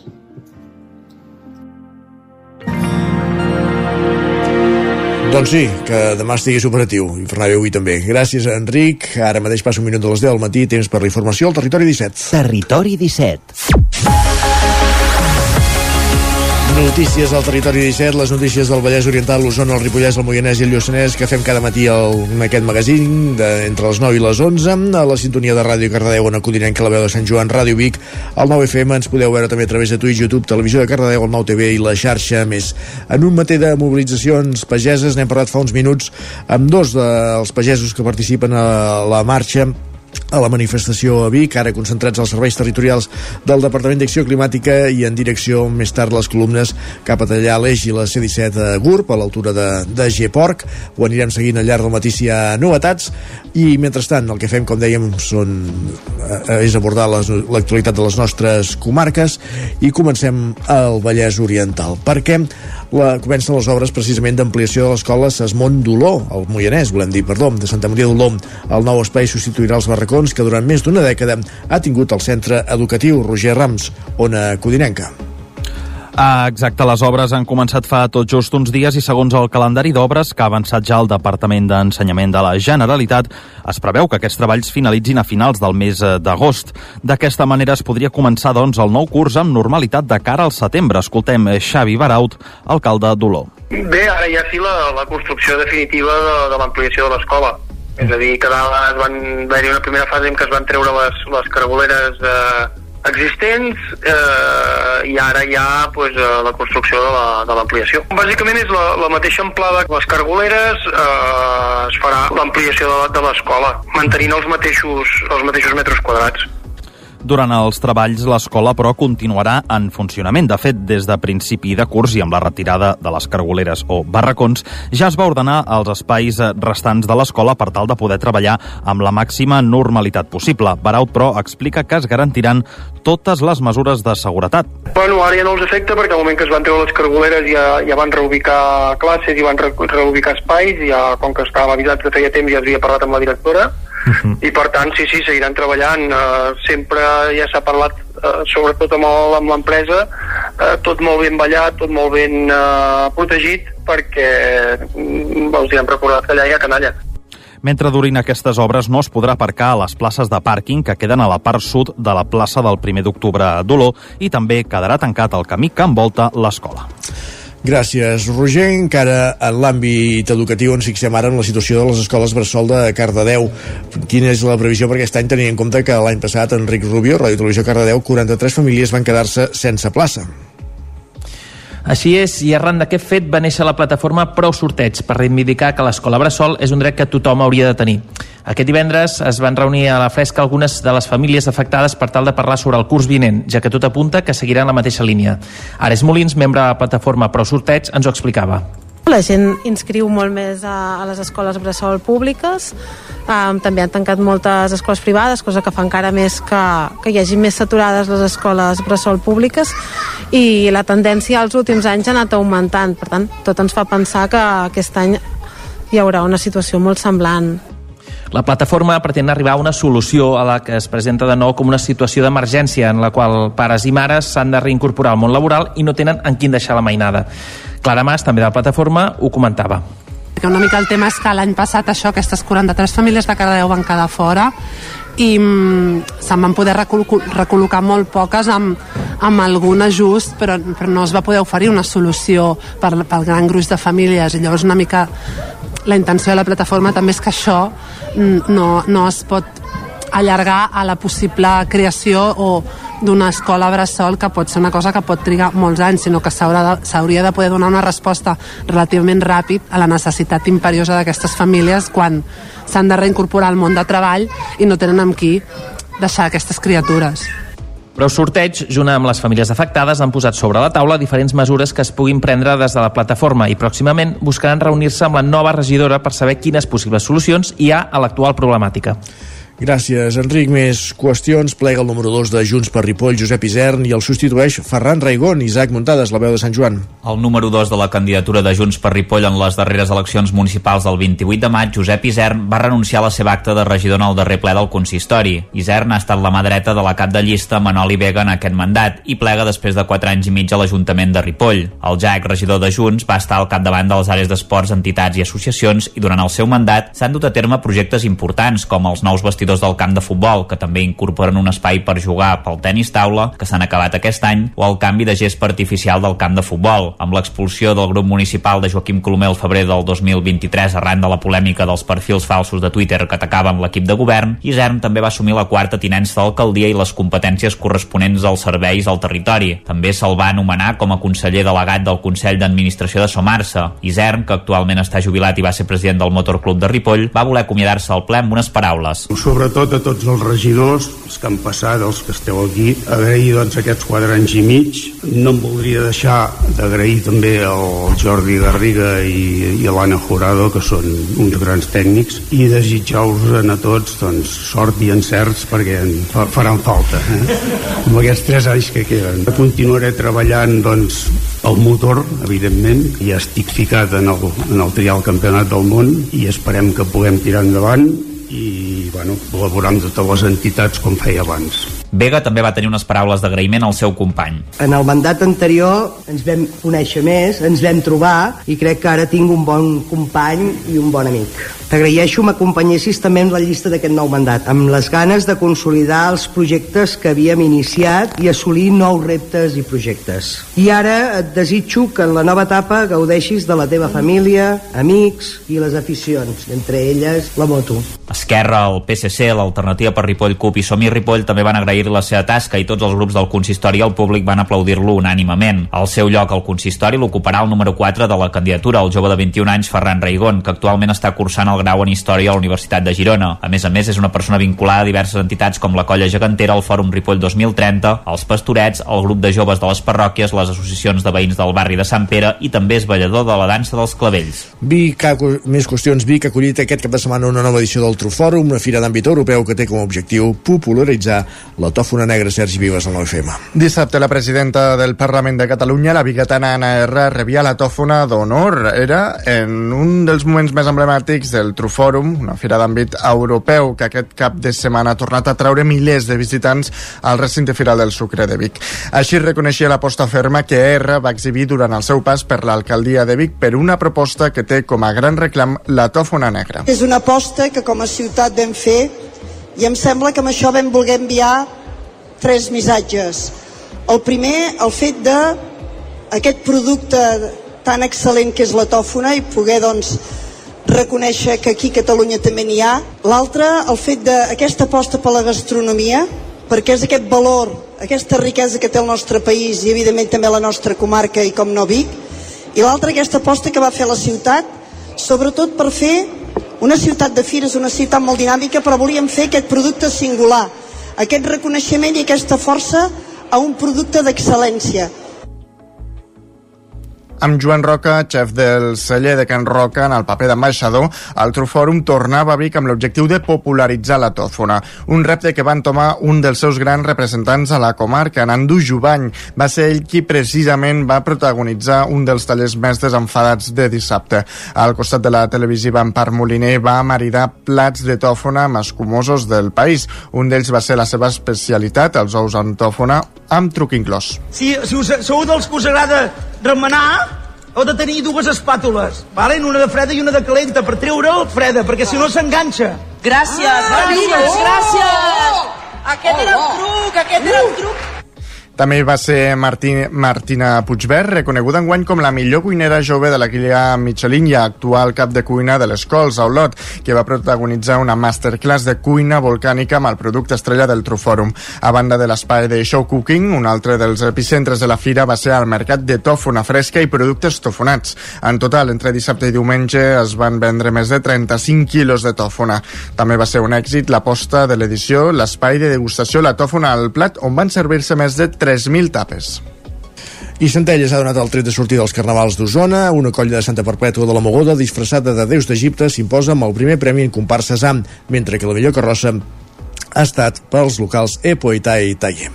Donde vamos, la liamos i això ho van fer. Aquest és el nom de la colla guanyadora de la categoria reina, la de les comparses A, les de més de 25 participants del 43è Carnaval de Centelles. Un grup de Santa Perpètua de Mogoda va fer, va fer uh, desfilar els seus déus d'Egipte.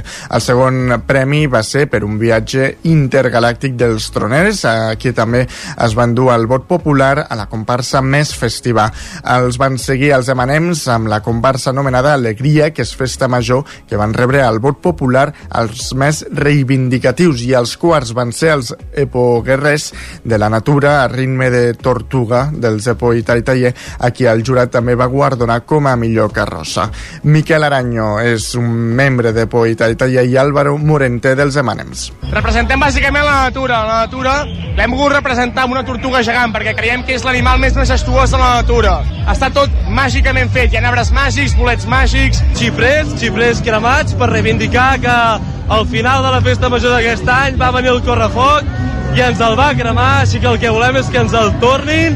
Volem tornar al carnaval, l'aspecte reivindicatiu aquest que té, Els cinquens van ser els amics i parents de, amb la sardina a la llauna, que també va mereixer el vot popular a la comparsa més sostenible.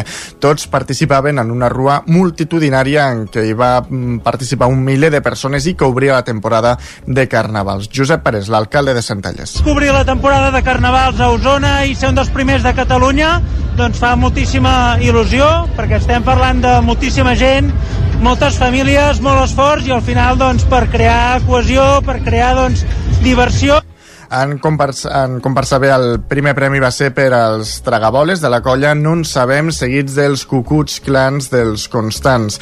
Aquesta colla també va construir la que va, es va considerar la millor carrossa de la categoria.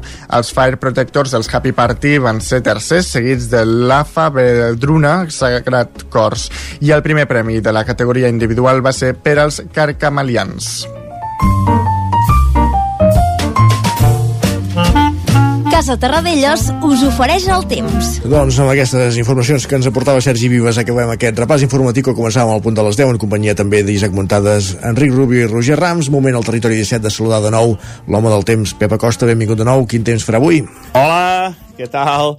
Anem al dia d'avui, eh, que tornarà a ser un dia amb anticicló, tot i que hi haurà més núvols, eh, més núvols que els últims dies, però sense cap precipitació, i les temperatures, a l'haver-hi més nubositat, eh, poden baixar una mica. Ahir vam tornar a superar els 20 graus a moltes zones, eh, avui esperem que no. Eh, la majoria de màximes es quedaran entre els 15 i els 18 graus, eh, una mica més altes del que tocaria, eh, però bueno, ja no són aquests valors tan extrems de més de 20 graus. Uh, com dèiem, nuvolositat, eren bastants núvols, no és, no és que passi cap front, però bueno, hi ha una mica més d'humitat, eh, hi ha una mica més de, de nuvolositat, però com deia, ni una precipitació. Els vents també molt febles, ja que continua aquest anticiclo sobre impedeix que els vents siguin, siguin forts, uh, alguna boira a aquesta hora del matí, però de seguida s'hi dissiparà, i en definitiva, un temps anticiclònic, amb cap novetat avui, i esperem a veure, que veiem els dits els pròxims dies que hi hagi una mica de novetat. Mm, però serà poca eh? I, i la pluja que vindrà eh, sens dubte no solucionarà la sequera ni de bon tros. Pot parar una mica però bueno, serà molt poca cosa. Això és tot, a disfrutar d'aquest eh, dimarts. I aviam de base ja porto alguna informació sobre aquesta allunyament de l'anticicló que tenim a sobre des de fa 3 setmanes moltes gràcies, adeu. Gràcies a tu, Pep, fins demà. Casa Tarradellas us ha ofert aquest espai. Un quart clavat ara mateix, d'11 del matí.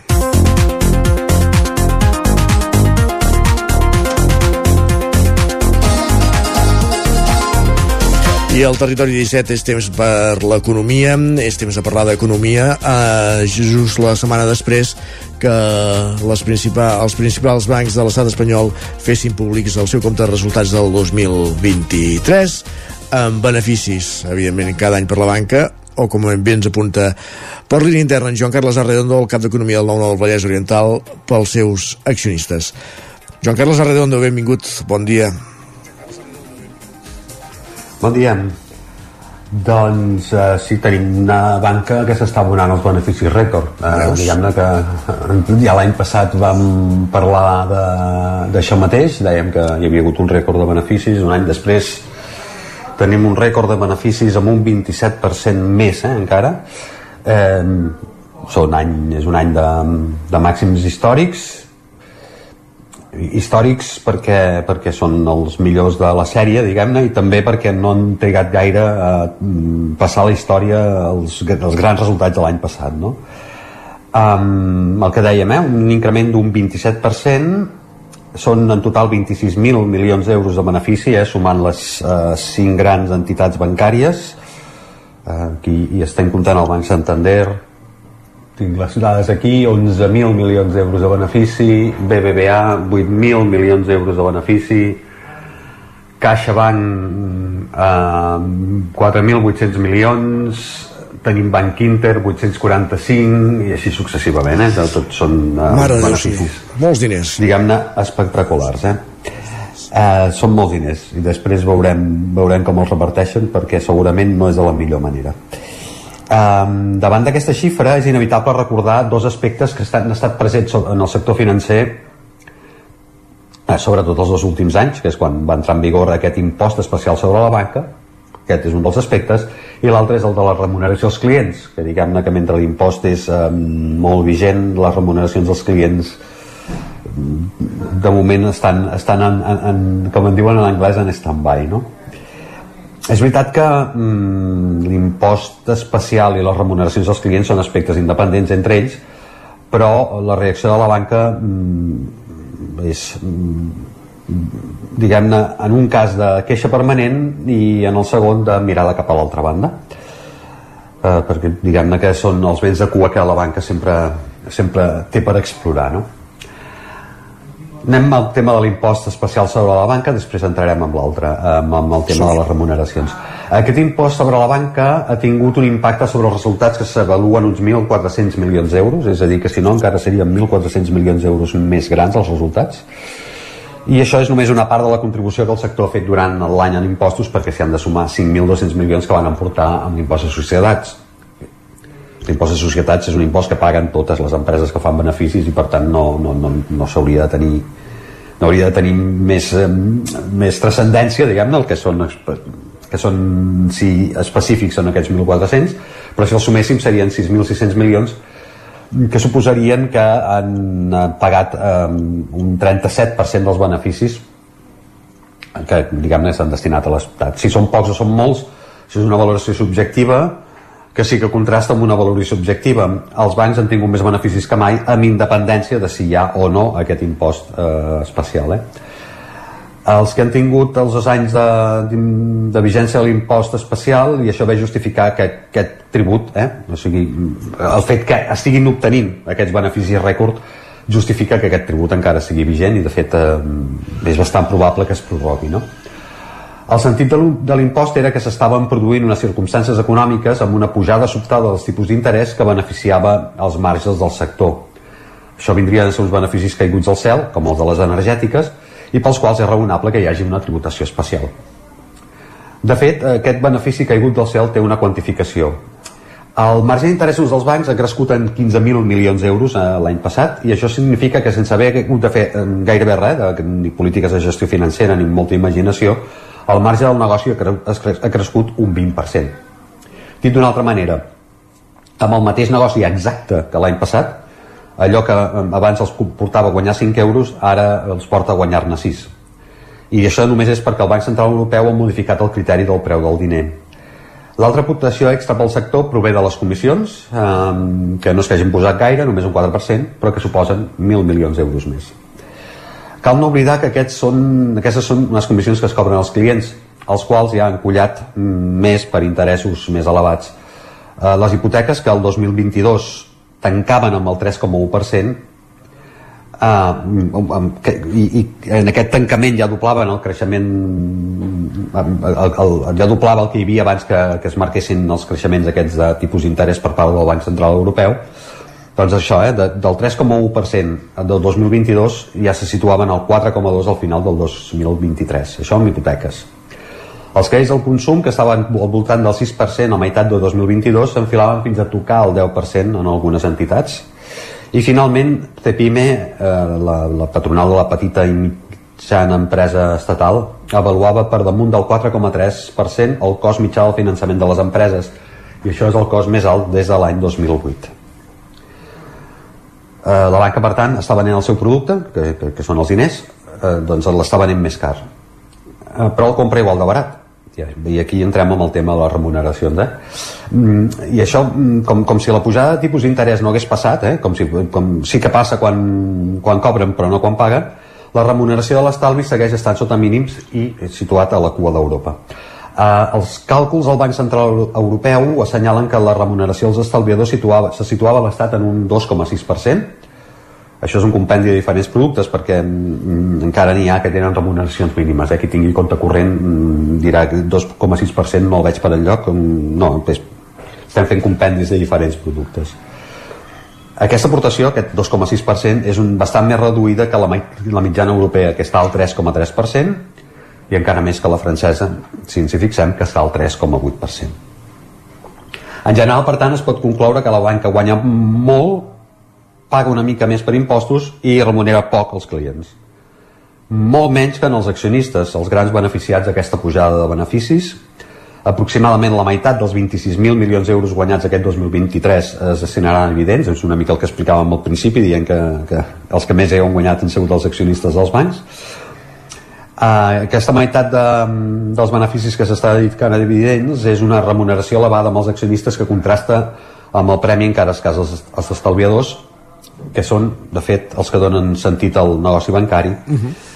i amb el poc entusiasme a retornar a la societat en, poc, en forma d'impostos part dels beneficis obtinguts, un extrem que sense caure en demagògies hauria de partir de la consideració que en els anys de més gran dificultat del sector hi va haver una gran injecció de diner públic per corregir aquesta, aquestes dificultats. Fa veure que no se'n recorden ni ja d'això. A més, eh, com que el, eh, sí, d'aquí tenim una mena d'amnèsia amb el tema aquest, eh? Sí, sí, sí però és veritat que el record d'aquelles dificultats és recent i s'està insistint que la banca destini una part més gran d'aquests beneficis a reforçar-se financerament per tenir més capacitat de resistència si aquest actual context favorable s'acaba capgirant. Seria destinar més diners a reserves mm, i no, no tant agrair als accionistes um, que fet aquest agraïment als accionistes és més rendible a curt termini però probablement tenir reserves és més sagàs de cara al futur Uh, precisament va ser aquella crisi la que està en el fons del context actual. Es va incentivar, potser per necessitat, un procés de concentració que altera les, una de les regles bàsiques del liberalisme, eh, que és el foment de la competència. Uh, la banca espanyola està concentrada en poques entitats que no tenen gaires dificultats per fer-se a mida unes regles del joc que els beneficien. regles del joc que més van acompanyades d'ajustaments en el nombre d'oficines i d'empleats que beneficien, beneficien poc el client i sí el compte d'explotació. Um, no, no, no, no gens estranya eh, veure que molts, uh, molts municipis estan quedant sense caixers perquè les oficines tanquen i a més s'està fent una mena de campanya de promoció eh, de localització de caixers en pobles petits que haurem de pagar entre tots no, no, entre, no entre la banca que això és una campanya de promoció pagada entre tots que és una, mica, és una cosa una mica estranya algun, algun dia n'hauríem de parlar més eh? no és improbable que el manteniment de les mateixes regles del joc sigui a la base de les previsions eh? aquestes regles del joc fetes a mida eh? Estan a la base de les previsions que fan les diferents grans entitats preveuen que l'any que ve els resultats encara en seran millors que aquest 2023 de rècord. Per tant, és probable que l'any que ve tornem a dir que són rècords històrics perquè els d'aquest any també hauran passat a la història. Déu nhi De fet, ja ho apunta moltes vegades eh, el director editorial del 9-9, eh, l'Agustí Danés, que, que els bancs han deixat d'oferir de, de, servei, que era pel que estaven pensades les caixes en el seu, en el seu moment, i senzillament fan, fan negoci i, i, i qui ho pateix és qui eh, moltes vegades els, els seus clients no? qui ho patim en general per entendre'ns som els clients sí, és, és que jo, jo crec que el desmantellament del sistema de caixes va ser molt desfavorable eh, sobretot de cara als clients, de cara als bancs no? Eh? i això és una cosa de les quals ja també hem reflexionat algunes vegades i, i, i ja m'apunto el, que, el, que, el que diu el director editorial mm, perquè com a mínim mm, les caixes encara que fos per una pura qüestió d'imatge, eh, no havien de, de, de retornar eh, part, a la societat part del que feien en forma de no, d'obra social, etc cosa a la qual no estan obligades els bancs i jo crec que això mm, aquesta obra social ara es diu impost especial sí. i mm, potser no és descabellat eh, de, dir, dir que, que es mantingui. I els que fan, no sé si dir-ne obra social, però que continuen fent aportacions a, a projectes culturals o iniciatives culturals gairebé sempre els has de, de rebre en fi, és igual. Eh, la manera de, de ser també de, de, de les empreses, dels bancs. Del país.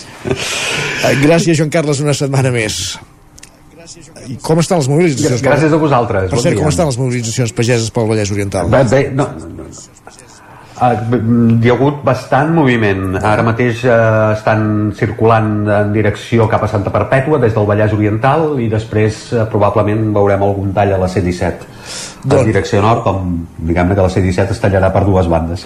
Doncs ho anirem seguint. Gràcies, Joan Carles. Gràcies a vosaltres, bon dia. Nosaltres ara el que fem és una petita pausa, però tornem de seguida aquí al territori 17 amb la resta de continguts previstos. Ens endinsem primer a Twitter amb Guillem Sánchez, que ja el tenim a punt, aquí als estudis de l'OFM i després el podcast de la Maria López, al racó de pensar avui eutanàsia. El nou FM, la ràdio de casa, al 92.8. Menja ràpid, menja fàcil, el trinxat de les Cerdanyes, tio Carlit.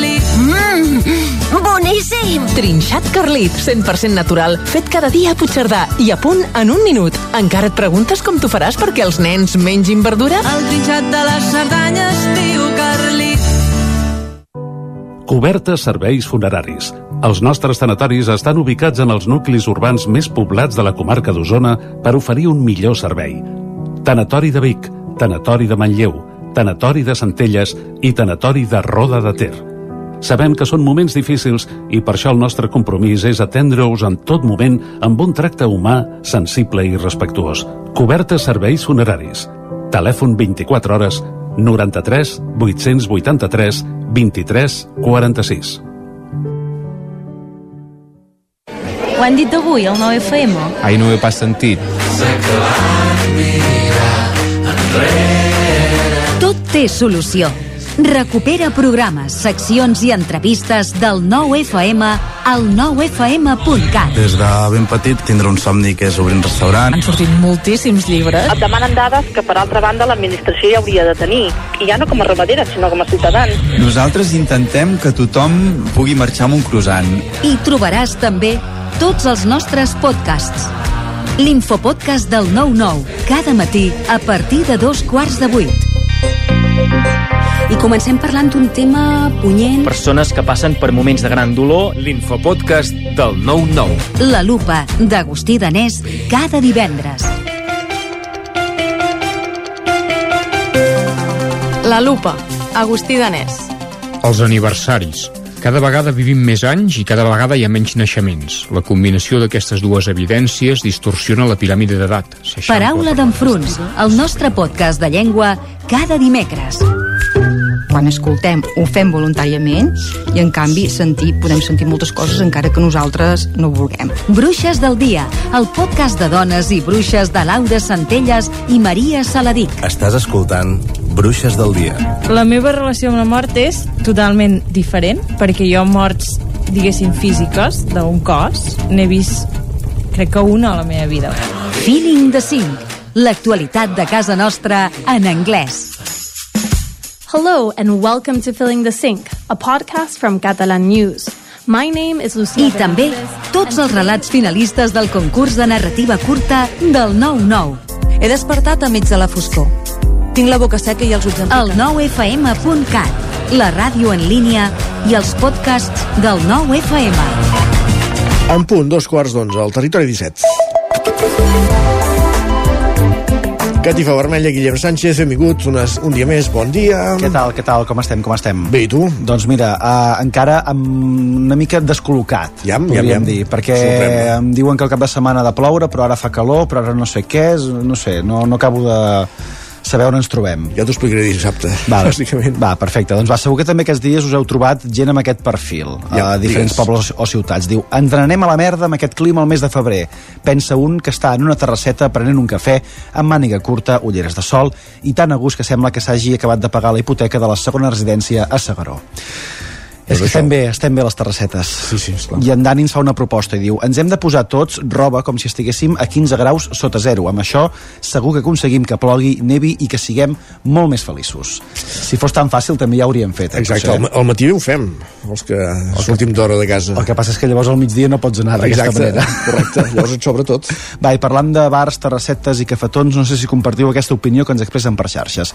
Ens diuen que si em cobres 5 euros o més per un te o similar, jo dedueixo que la tassa és de regal i que me la puc emportar a casa. Gairebé, com a Home, mínim, no? uh, 5 euros o més per una beguda uh, ja té tela, ja Sí. té tela. I l'Anna hi afegeix, diu, dels creadors de s'ha pujat tot per la pandèmia i s'ha encarit degut a la guerra d'Ucraïna, llesta i preparada pel tripliquem els preus per la manca d'aigua de l'aixeta. Ens podem esperar ja qualsevol cosa i de fet amb exemples com aquests hi podríem estar fins al final de la secció ens ho escriu la Maria Aureli que diu 1,75 he pagat avui per un cafè amb llet en una tassa massa petita mm -hmm. tassa potser de, de cafè o de tallat suposo i és que avui també Isaac és dia de, de reivindicacions no? De pageses, sí. de pageses, sí, correcte en Jordi Vilarrodà, el nostre company que ens escriu avui suporta la pagesia des de les xarxes molt bé, diu, però demà posem-lo en pràctica tots nosaltres comprant els seus productes també estaria bé aquesta i en Francesc ens diu possiblement les imatges d'avui dels pagesos seran de les darreres els propers anys ja no hi haurà pagesos Carai, sortiu a veure tractors que les persones ja no les podreu veure Ai, senyor, sempre Apocalipsi, eh? plegats, sí, sí. Apocalipsi, va, i si ahir ja fèiem referència al tema de les consignes de Carnaval, oi? Que ja hi Sí? havia una Has mica... portat, has portat la banya vermella avui? La... Mm, ostres, hi ha la càmera punxada, llàstima, llàstima. T'anava a dir una, una cosa que no era veritat. D'acord. Va, atenció al missatge que en Marc ens fa públic per xarxes.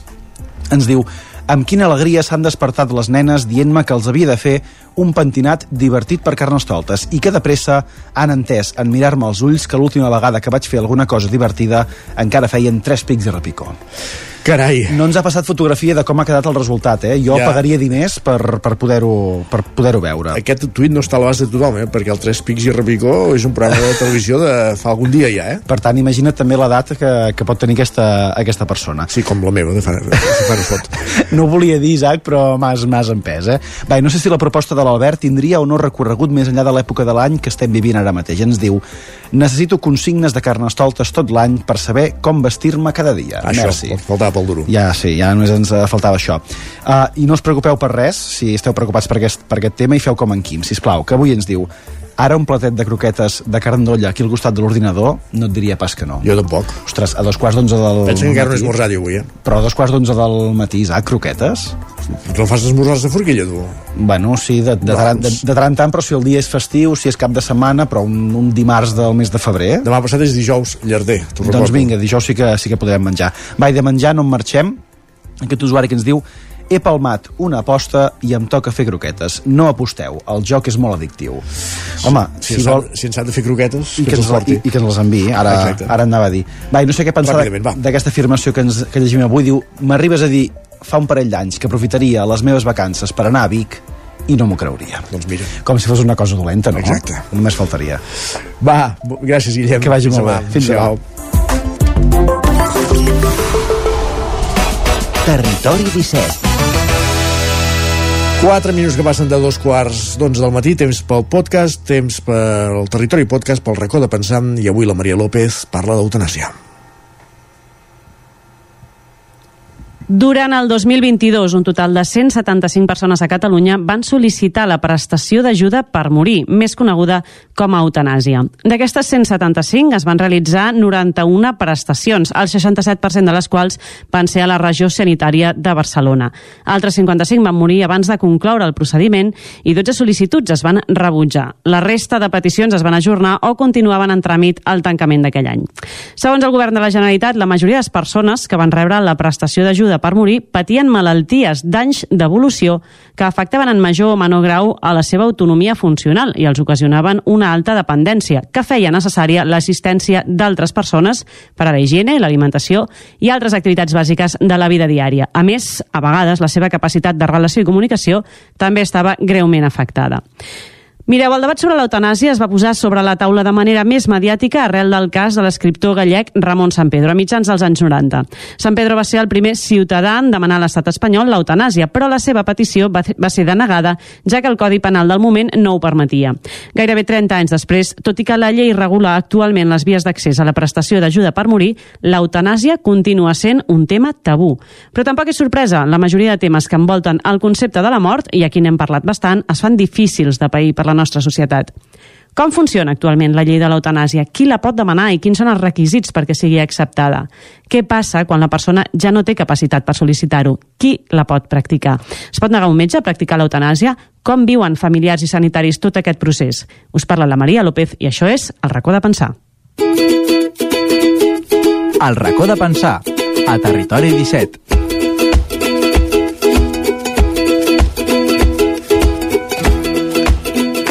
I per parlar sobre eutanàsia i sobre com és aquest procés voluntari actualment aquí a casa nostra a Catalunya, avui ens acompanya la Cristina Serra. Ella és presidenta del Comitè Ètic Assistencial de l'Hospital de Granollers. Bon dia, Cristina, i gràcies per acompanyar-nos. Gràcies a vosaltres per deixar-me vindre a explicar. Faltava més.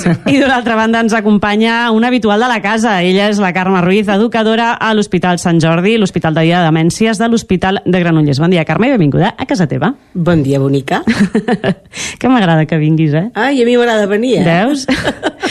Mira, si us sembla, d'entrada sí que m'agradaria començar per aclarir eh, dos conceptes que crec que seran bàsics pels nostres oients. D'una banda, definir bé què vol dir l'eutanàsia, perquè, perquè té, té les seves, les seves seus grisos, diguéssim, i d'una altra, Cristina, que ens expliquis què és això del comitè ètic assistencial, quina és la vostra funció a l'hospital? Començaré perquè és el comitè ètic. Eh, al- als hospitals, a les àrees bàsiques, en, el, en els centres de salut en general, hi ha un comitè d'ètica assistencial que vol dir que és aquell que vetlla perquè els, eh, els problemes o les, els conflictes ètics que es poden produir durant la teva assistència eh, tinguis algú per qui els, els hi puguis preguntar, puguis Mhm. resoldre, puguis demanar eh, consell. Val? Això és el comitè d'ètica. For, està format per diferents persones, per diferents membres, de diferents categories professionals i serveix això d'assessorar amb aquestes persones, tant siguin professionals com també mateixos malalts o família. Uh -huh. Val? Dit això, nosaltres estem sempre a disposició de, de, de tot allò que envolta l'ètica eh, durant l'assistència de la nostra professió. Dit això, què és l'eutanàsia? No? És un dels temes eh, estrella que, es va, que el vam començar nosaltres l'any en el 2021 quan es va aprovar la llei i que vam començar nosaltres a fer protocols, a fer circuits perquè ens pensàvem que només arribar a que es pogués mm, eh, que, la, que la llei ja, ja, ja comencés a, a entrar en vigor, eh, tindríem gent que ens, de, ens la demanaria. Això no va ser ben bé així, però nosaltres teníem que estar preparats. Uh -huh. I què és l'eutanàsia? Pues l'eutanàsia és l'acte deliberat de causar la mort a una persona que prèviament ens ho ha demanat.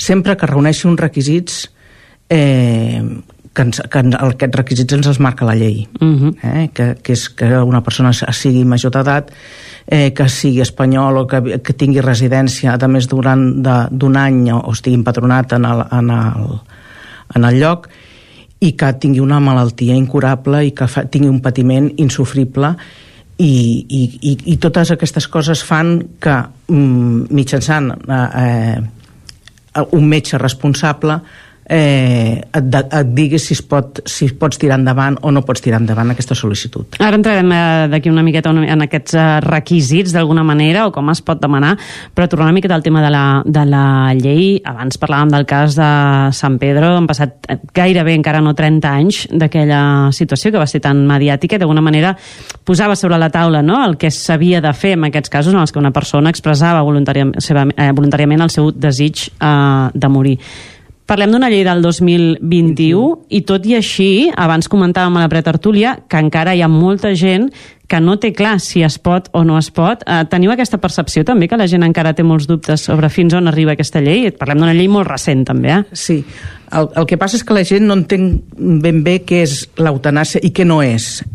Hem de diferenciar eh, la, la gent ens diu sí, això és l'eutanàsia és això que fèieu fins ara no? de pal·liatius, de fer una sedació és, és el mateix però ara és legal no, una sedació pal·liativa és mm, donar amb una medicació un confort amb un malalt que està en, en estat terminal però qui causa la mort és la mateixa malaltia és la, la gran diferència de l'eutanàsia amb tota la resta Val? Uh -huh. L'eutanàsia no li causa la mort la medicació que nosaltres li proposem, li, li posem en aquella persona. És el que li causa la mort, no la malaltia.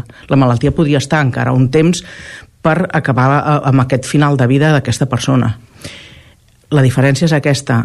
Uns causa la mort, és l'eutanàsia, i el qui és la pròpia malaltia serà una sedació terminal, serà una, una, un rebuig de tractament, unes altres sèrie de coses. Uh -huh. uh, D'alguna manera abans enumeraves una mica els requisits. Quina és el, quin és el procés oficial en el que en algú vulgui demanar? A part d'aquests requisits que enumeraves així el, el, el requisit primer és que la persona ho demani ho demani amb, una, amb un sanitari, amb un, amb un metge, amb una infermera, amb una persona que estigui vinculada en l'àmbit sanitari. Aquesta persona eh, sanitària, si no, si no pots estar directament relacionada amb aquest acte eutanàsic, el derivaran els, amb, amb un metge o amb una infermera, perquè es comenci a tramitar i a, i a valorar aquest cas. Eh, la persona quan demana l'eutanàsia té dret o, o és la persona qui eh, escull el metge que li farà aquesta eutanàsia. Pot escollir-ho. No, no pot, no. Ha d'escollir-ho. Ha d'escollir-ho ell i escollirà també la infermera. Normalment la infermera ja ve eh, una mica amb el PAC. Eh? Uh -huh. Vull dir, no, no l'escull tan directament, però el metge sí, perquè el metge normalment o serà el seu metge de capçalera o serà el seu metge eh, especialista en la malaltia que està, que està patint o serà un metge de pal·liatius, però serà un metge que, estigui, que, que ell estigui vinculat i que el coneixi. Uh Mhm. -huh. val? Eh, després també hi haurà un metge consultor, que aquest metge responsable, que se'n fa responsable d'aquesta prestació, li ha de don, ah, demanarà una segona consulta per veure que tot el que està fent ell i que tots els requisits que ens estan demanant que, que legalment es compleixin. Uh -huh. val? Tot i així, després passa, és una llei molt, molt garantista, eh? tot i així després passa per, un, per una comissió de garantia i avaluació que, ha, que està formada per metges i juristes, infermeres també, que són els que decidiran finalment si es revoca o s'aprova aquesta prestació. Vull dir, eh, eh, tot i que tingui la persona tingui aquesta voluntat, ha de passar una sèrie de tràmits que són llargs, són llargs, i, i pensem que una persona que estigui patint eh, es fa molt més llarg encara, no? Mm. Són uns 45 dies màxim. Això no de quin procés? 45 dies màxim en, ens marca la llei. 45 dies ha d'haver una resposta, No, no, ha d'haver no? una resposta, no, ha d'haver la prestació. Ah, ha d'haver la prestació. La prestació s'ha de fer durant aquests 45 dies. A vegades s'allarga més o lla- per, per diferents motius o perquè fins i tot la, la, la persona també demana doncs mira, ara venen dates de Nadal, doncs escolta'm, eh, fem-ho una mica... Tot això es, es pot contemplar, vull dir, la, la llei és rígida i la llei és molt garantista, però també hi ha, hi ha marges, eh? Mhm. Però té que, té que durar, aquest, tot aquest procés són 45 dies màxim. 45 dies per una persona que està patint i que ho està passant malament es fa molt llarg. Són molts dies. Són molts dies. Uh -huh. uh, parlant d'alguna manera d'aquest procés, em deies que s'ha d'indicar quin metge, uh, etc. Quin més, hi ha més passes d'alguna manera així burocràticament parlant? Sí, n'hi ha, ha moltes, n'hi ha moltes. Eh, de fet, les ha de fer gairebé totes al metge. Val?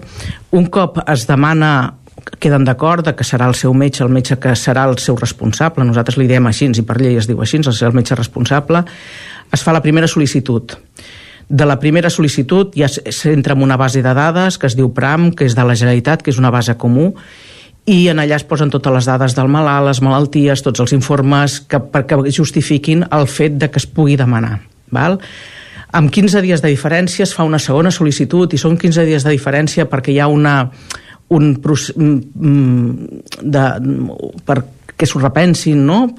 Tot i que les persones que ho demanen eh, normalment Suposo que és un procés molt... ho tenen molt pensat, Molt molt, pensat. pensat, Molt meditat, clar. però bueno, ja està bé, és, és aquest, aquests 15 dies de, de deliberació i aleshores a partir d'aquests 15 dies es fa una segona sol·licitud, també entrant a la base de dades, i en aquí ja, ja eh, s'incorpora el consentiment informat signat per, pel malalt, eh, que s'ha d'estar signat, que clar, hi ha problemes amb, amb malalts neurològics i tot això, i aleshores es fa un vídeo, es fan diferents eh, maneres de, de, de, de poder gravar aquesta autorització per, per determinar que, que, que dona consentiment i que és per ser, mm, que té capacitat per fer-ho. Uh -huh. Si no tingués capacitat per fer-ho, eh, en aquí ens va molt bé tindre un document de voluntats anticipades perquè aleshores ja és eh, el que diu la, la, el document que havia, que havia manifestat aquesta persona. Uh -huh.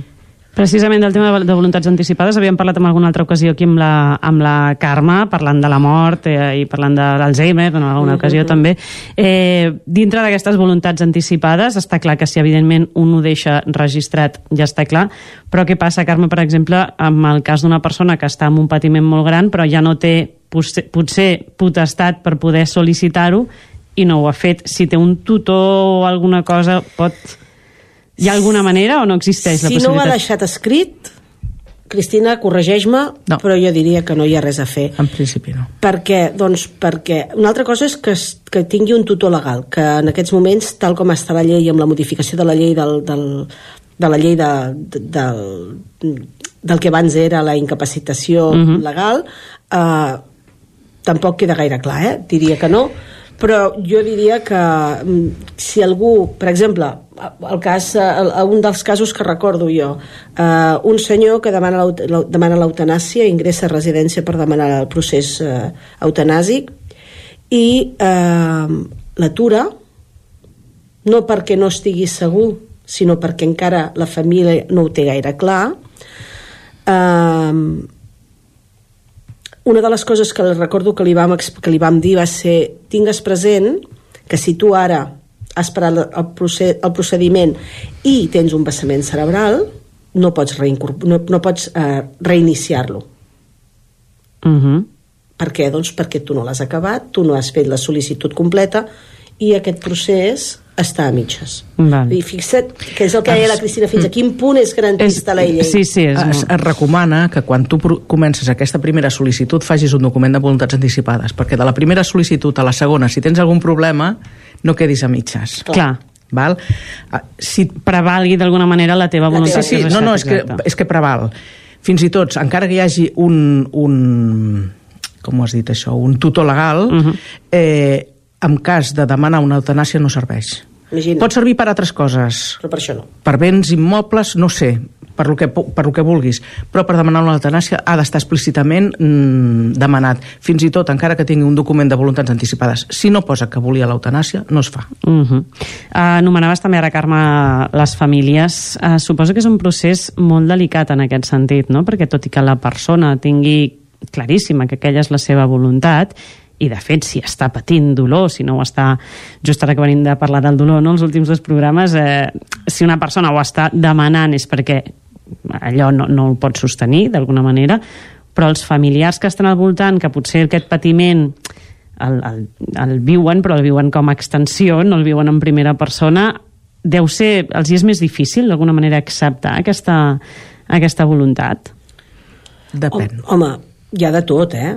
Uh, però no estem parlant d'algú que digui "Pst, que me'n vaig un any a Amèrica estem parlant d'algú que marxarà definitivament i quan una persona marxa definitivament i el procés o sigui, en, aquest, en aquests moments les persones ens tornem egoistes eh, poso entre cometes, eh? però quan, quan, quan patim una mort a casa sempre pensem, oi, una estona més no? potser 5 hores més no? i millor aquella persona està patint però 5 hores més d'aquella persona no?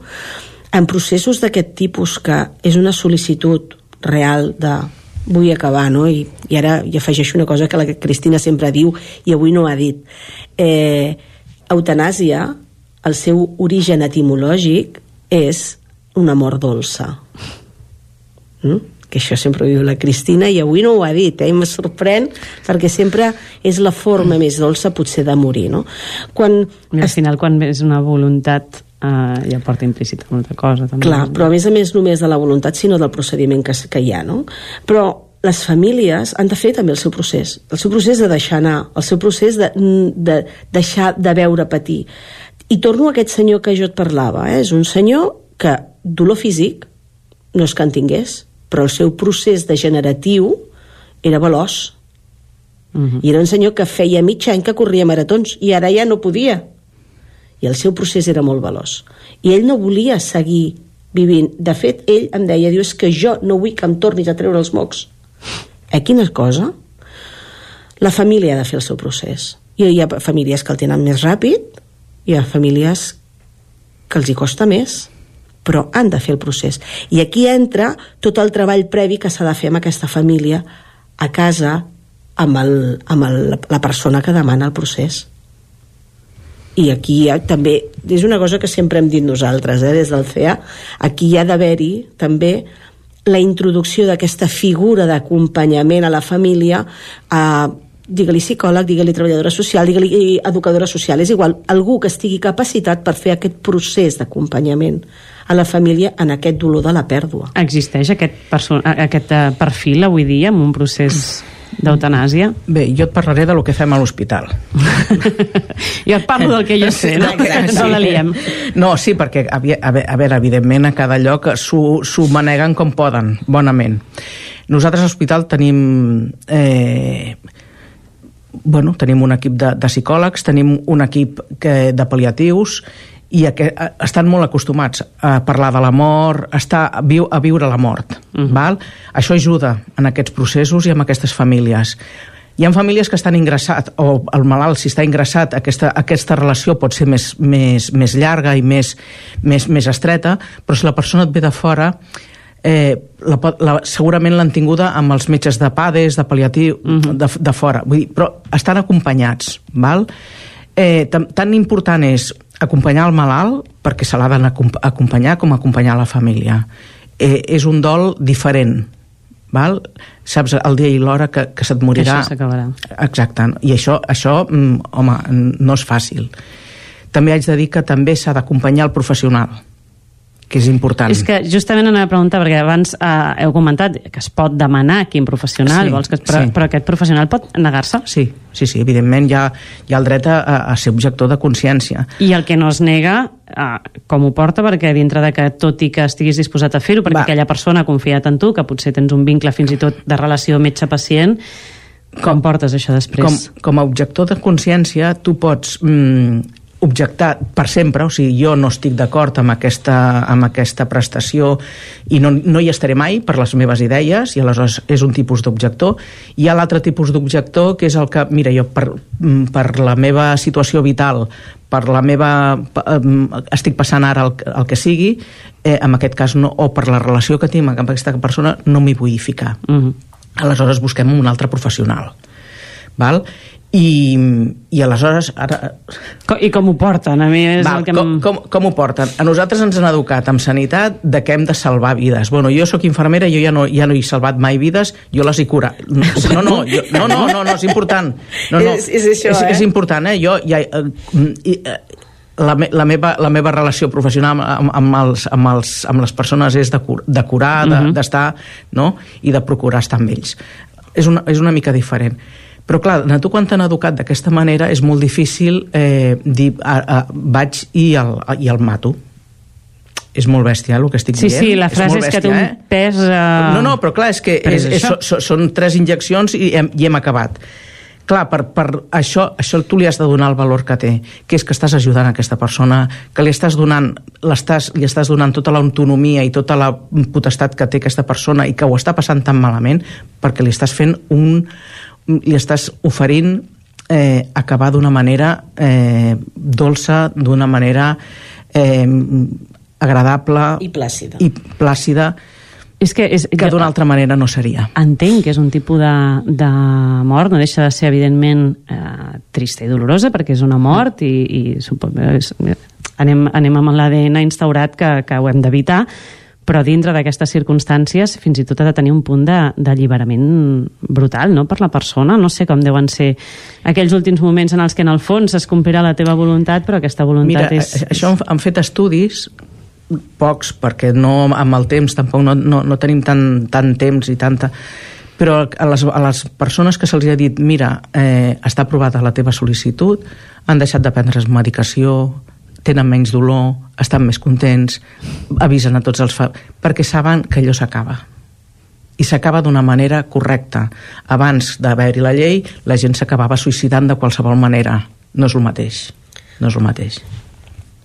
No, no, no és el mateix que jo digui uh, vull morir mirant a Montserrat amb la, la llum del sol que em toqui la cara amb la meva parella els meus fills, el meu gat i el meu gos. Uh, fes-me un còctel que no sé què passarà. I això ho hem vist. I jo no ho he vist perquè jo no san- no soc al nivell de sanitària que són ells, que ells són, ella és infermera i, i porta molts anys treballant, però sí que és veritat que jo ho he, ho he sentit, no, no és un intent de suïcidi, és que en realitat aquella, seny aquella senyora o aquell senyor ja no podia més amb el seu procés i ja era massa dolorós i moltes vegades, insisteixo, no és un dolor físic, eh? és una situació de manca de possibilitat de revertir una situació de dependència absoluta en les bàsiques. Hòstia, que t'hagin de netejar el cul, perquè tu, per molt que caguis, no t'hi arribaràs mai més. O que t'hagin de treure els mocs. El, jo el que és el que sí que he rebut sempre bueno, he rebut sempre no, el que he rebut d'algun procés que jo he tingut una mica més a la vora ha estat de és una situació agradolça sé que es posaré final a aquest procés que m'està invalidant però deixo sola la meva dona. Però és que en aquesta situació jo no puc fer res per ella. M'ho ha de fer tot ella a mi. Però la deixo sola i és aquesta ambivalència del alliberament i el dolor de la pèrdua. Per tant el dol de les persones que, que rebran la, el, el procés d'eutanàsia és un dol molt determinat però és un dol que per ells va més cap a la lliberació i en canvi el dol de les famílies és el dol de la pèrdua. I el jo em quedo aquí i tu marxes. I han de fer aquesta, cam aquesta canvi de mirada no? de ell marxa però sempre estarà amb mi perquè jo el vaig acompanyar en aquest procés dolorós. Doncs d'aquesta mort tan dolça eh, i amb una mica la pell de gallina em permetreu que comenci a acomiadar el programa d'avui amb aquestes paraules de la, de la Carme que ens arribaven molt, molt al fons del cor igual que ens arribava de fons aquesta música que ens, arriba, que ens avisa de que se'ns acaba el temps moltíssimes gràcies Cristina, moltíssimes gràcies vosaltres. Carme una vegada més per acompanyar-nos avui aquí esta- aquesta tarda explicar-nos una miqueta més eh, com és de complicat i dolç aquest procés eh, tan complex gràcies a les dues de veritat veritat. A vosaltres. I a tots i a totes vosaltres que ens seguiu i ens escolteu cada setmana. Gràcies per acompanyar-nos una setmaneta més aquí al nostre raconet, on ja sabeu que ens agrada debatre, pensar i qüestionar-nos, compartir opinions i, sobretot, escoltar-nos. Perquè si alguna cosa ens ajuda a entendre'ns entre tots i totes, és precisament això, escoltar-nos. Així que gràcies per fer-ho una setmana més. I ens retrobem en uns dies amb un nou capítol del racó de pensar. Gràcies, Maria. Una setmana més acaba el racó de pensar, també acaba el Territori 17, el magazín que us ha fet companyia des de les 9, amb Isaac Muntades, Roger Rams, Enric Rubio, Pepa Costa, jo Carles Arredondo, Guillem Sánchez, Maria López, Clàudia Dinarès, Sergi Vives i Isaac Moreno. I tornem demà a partir de les 9. Fins aleshores. Gràcies per ser-hi. Molt bon dimarts. Adéu-siau.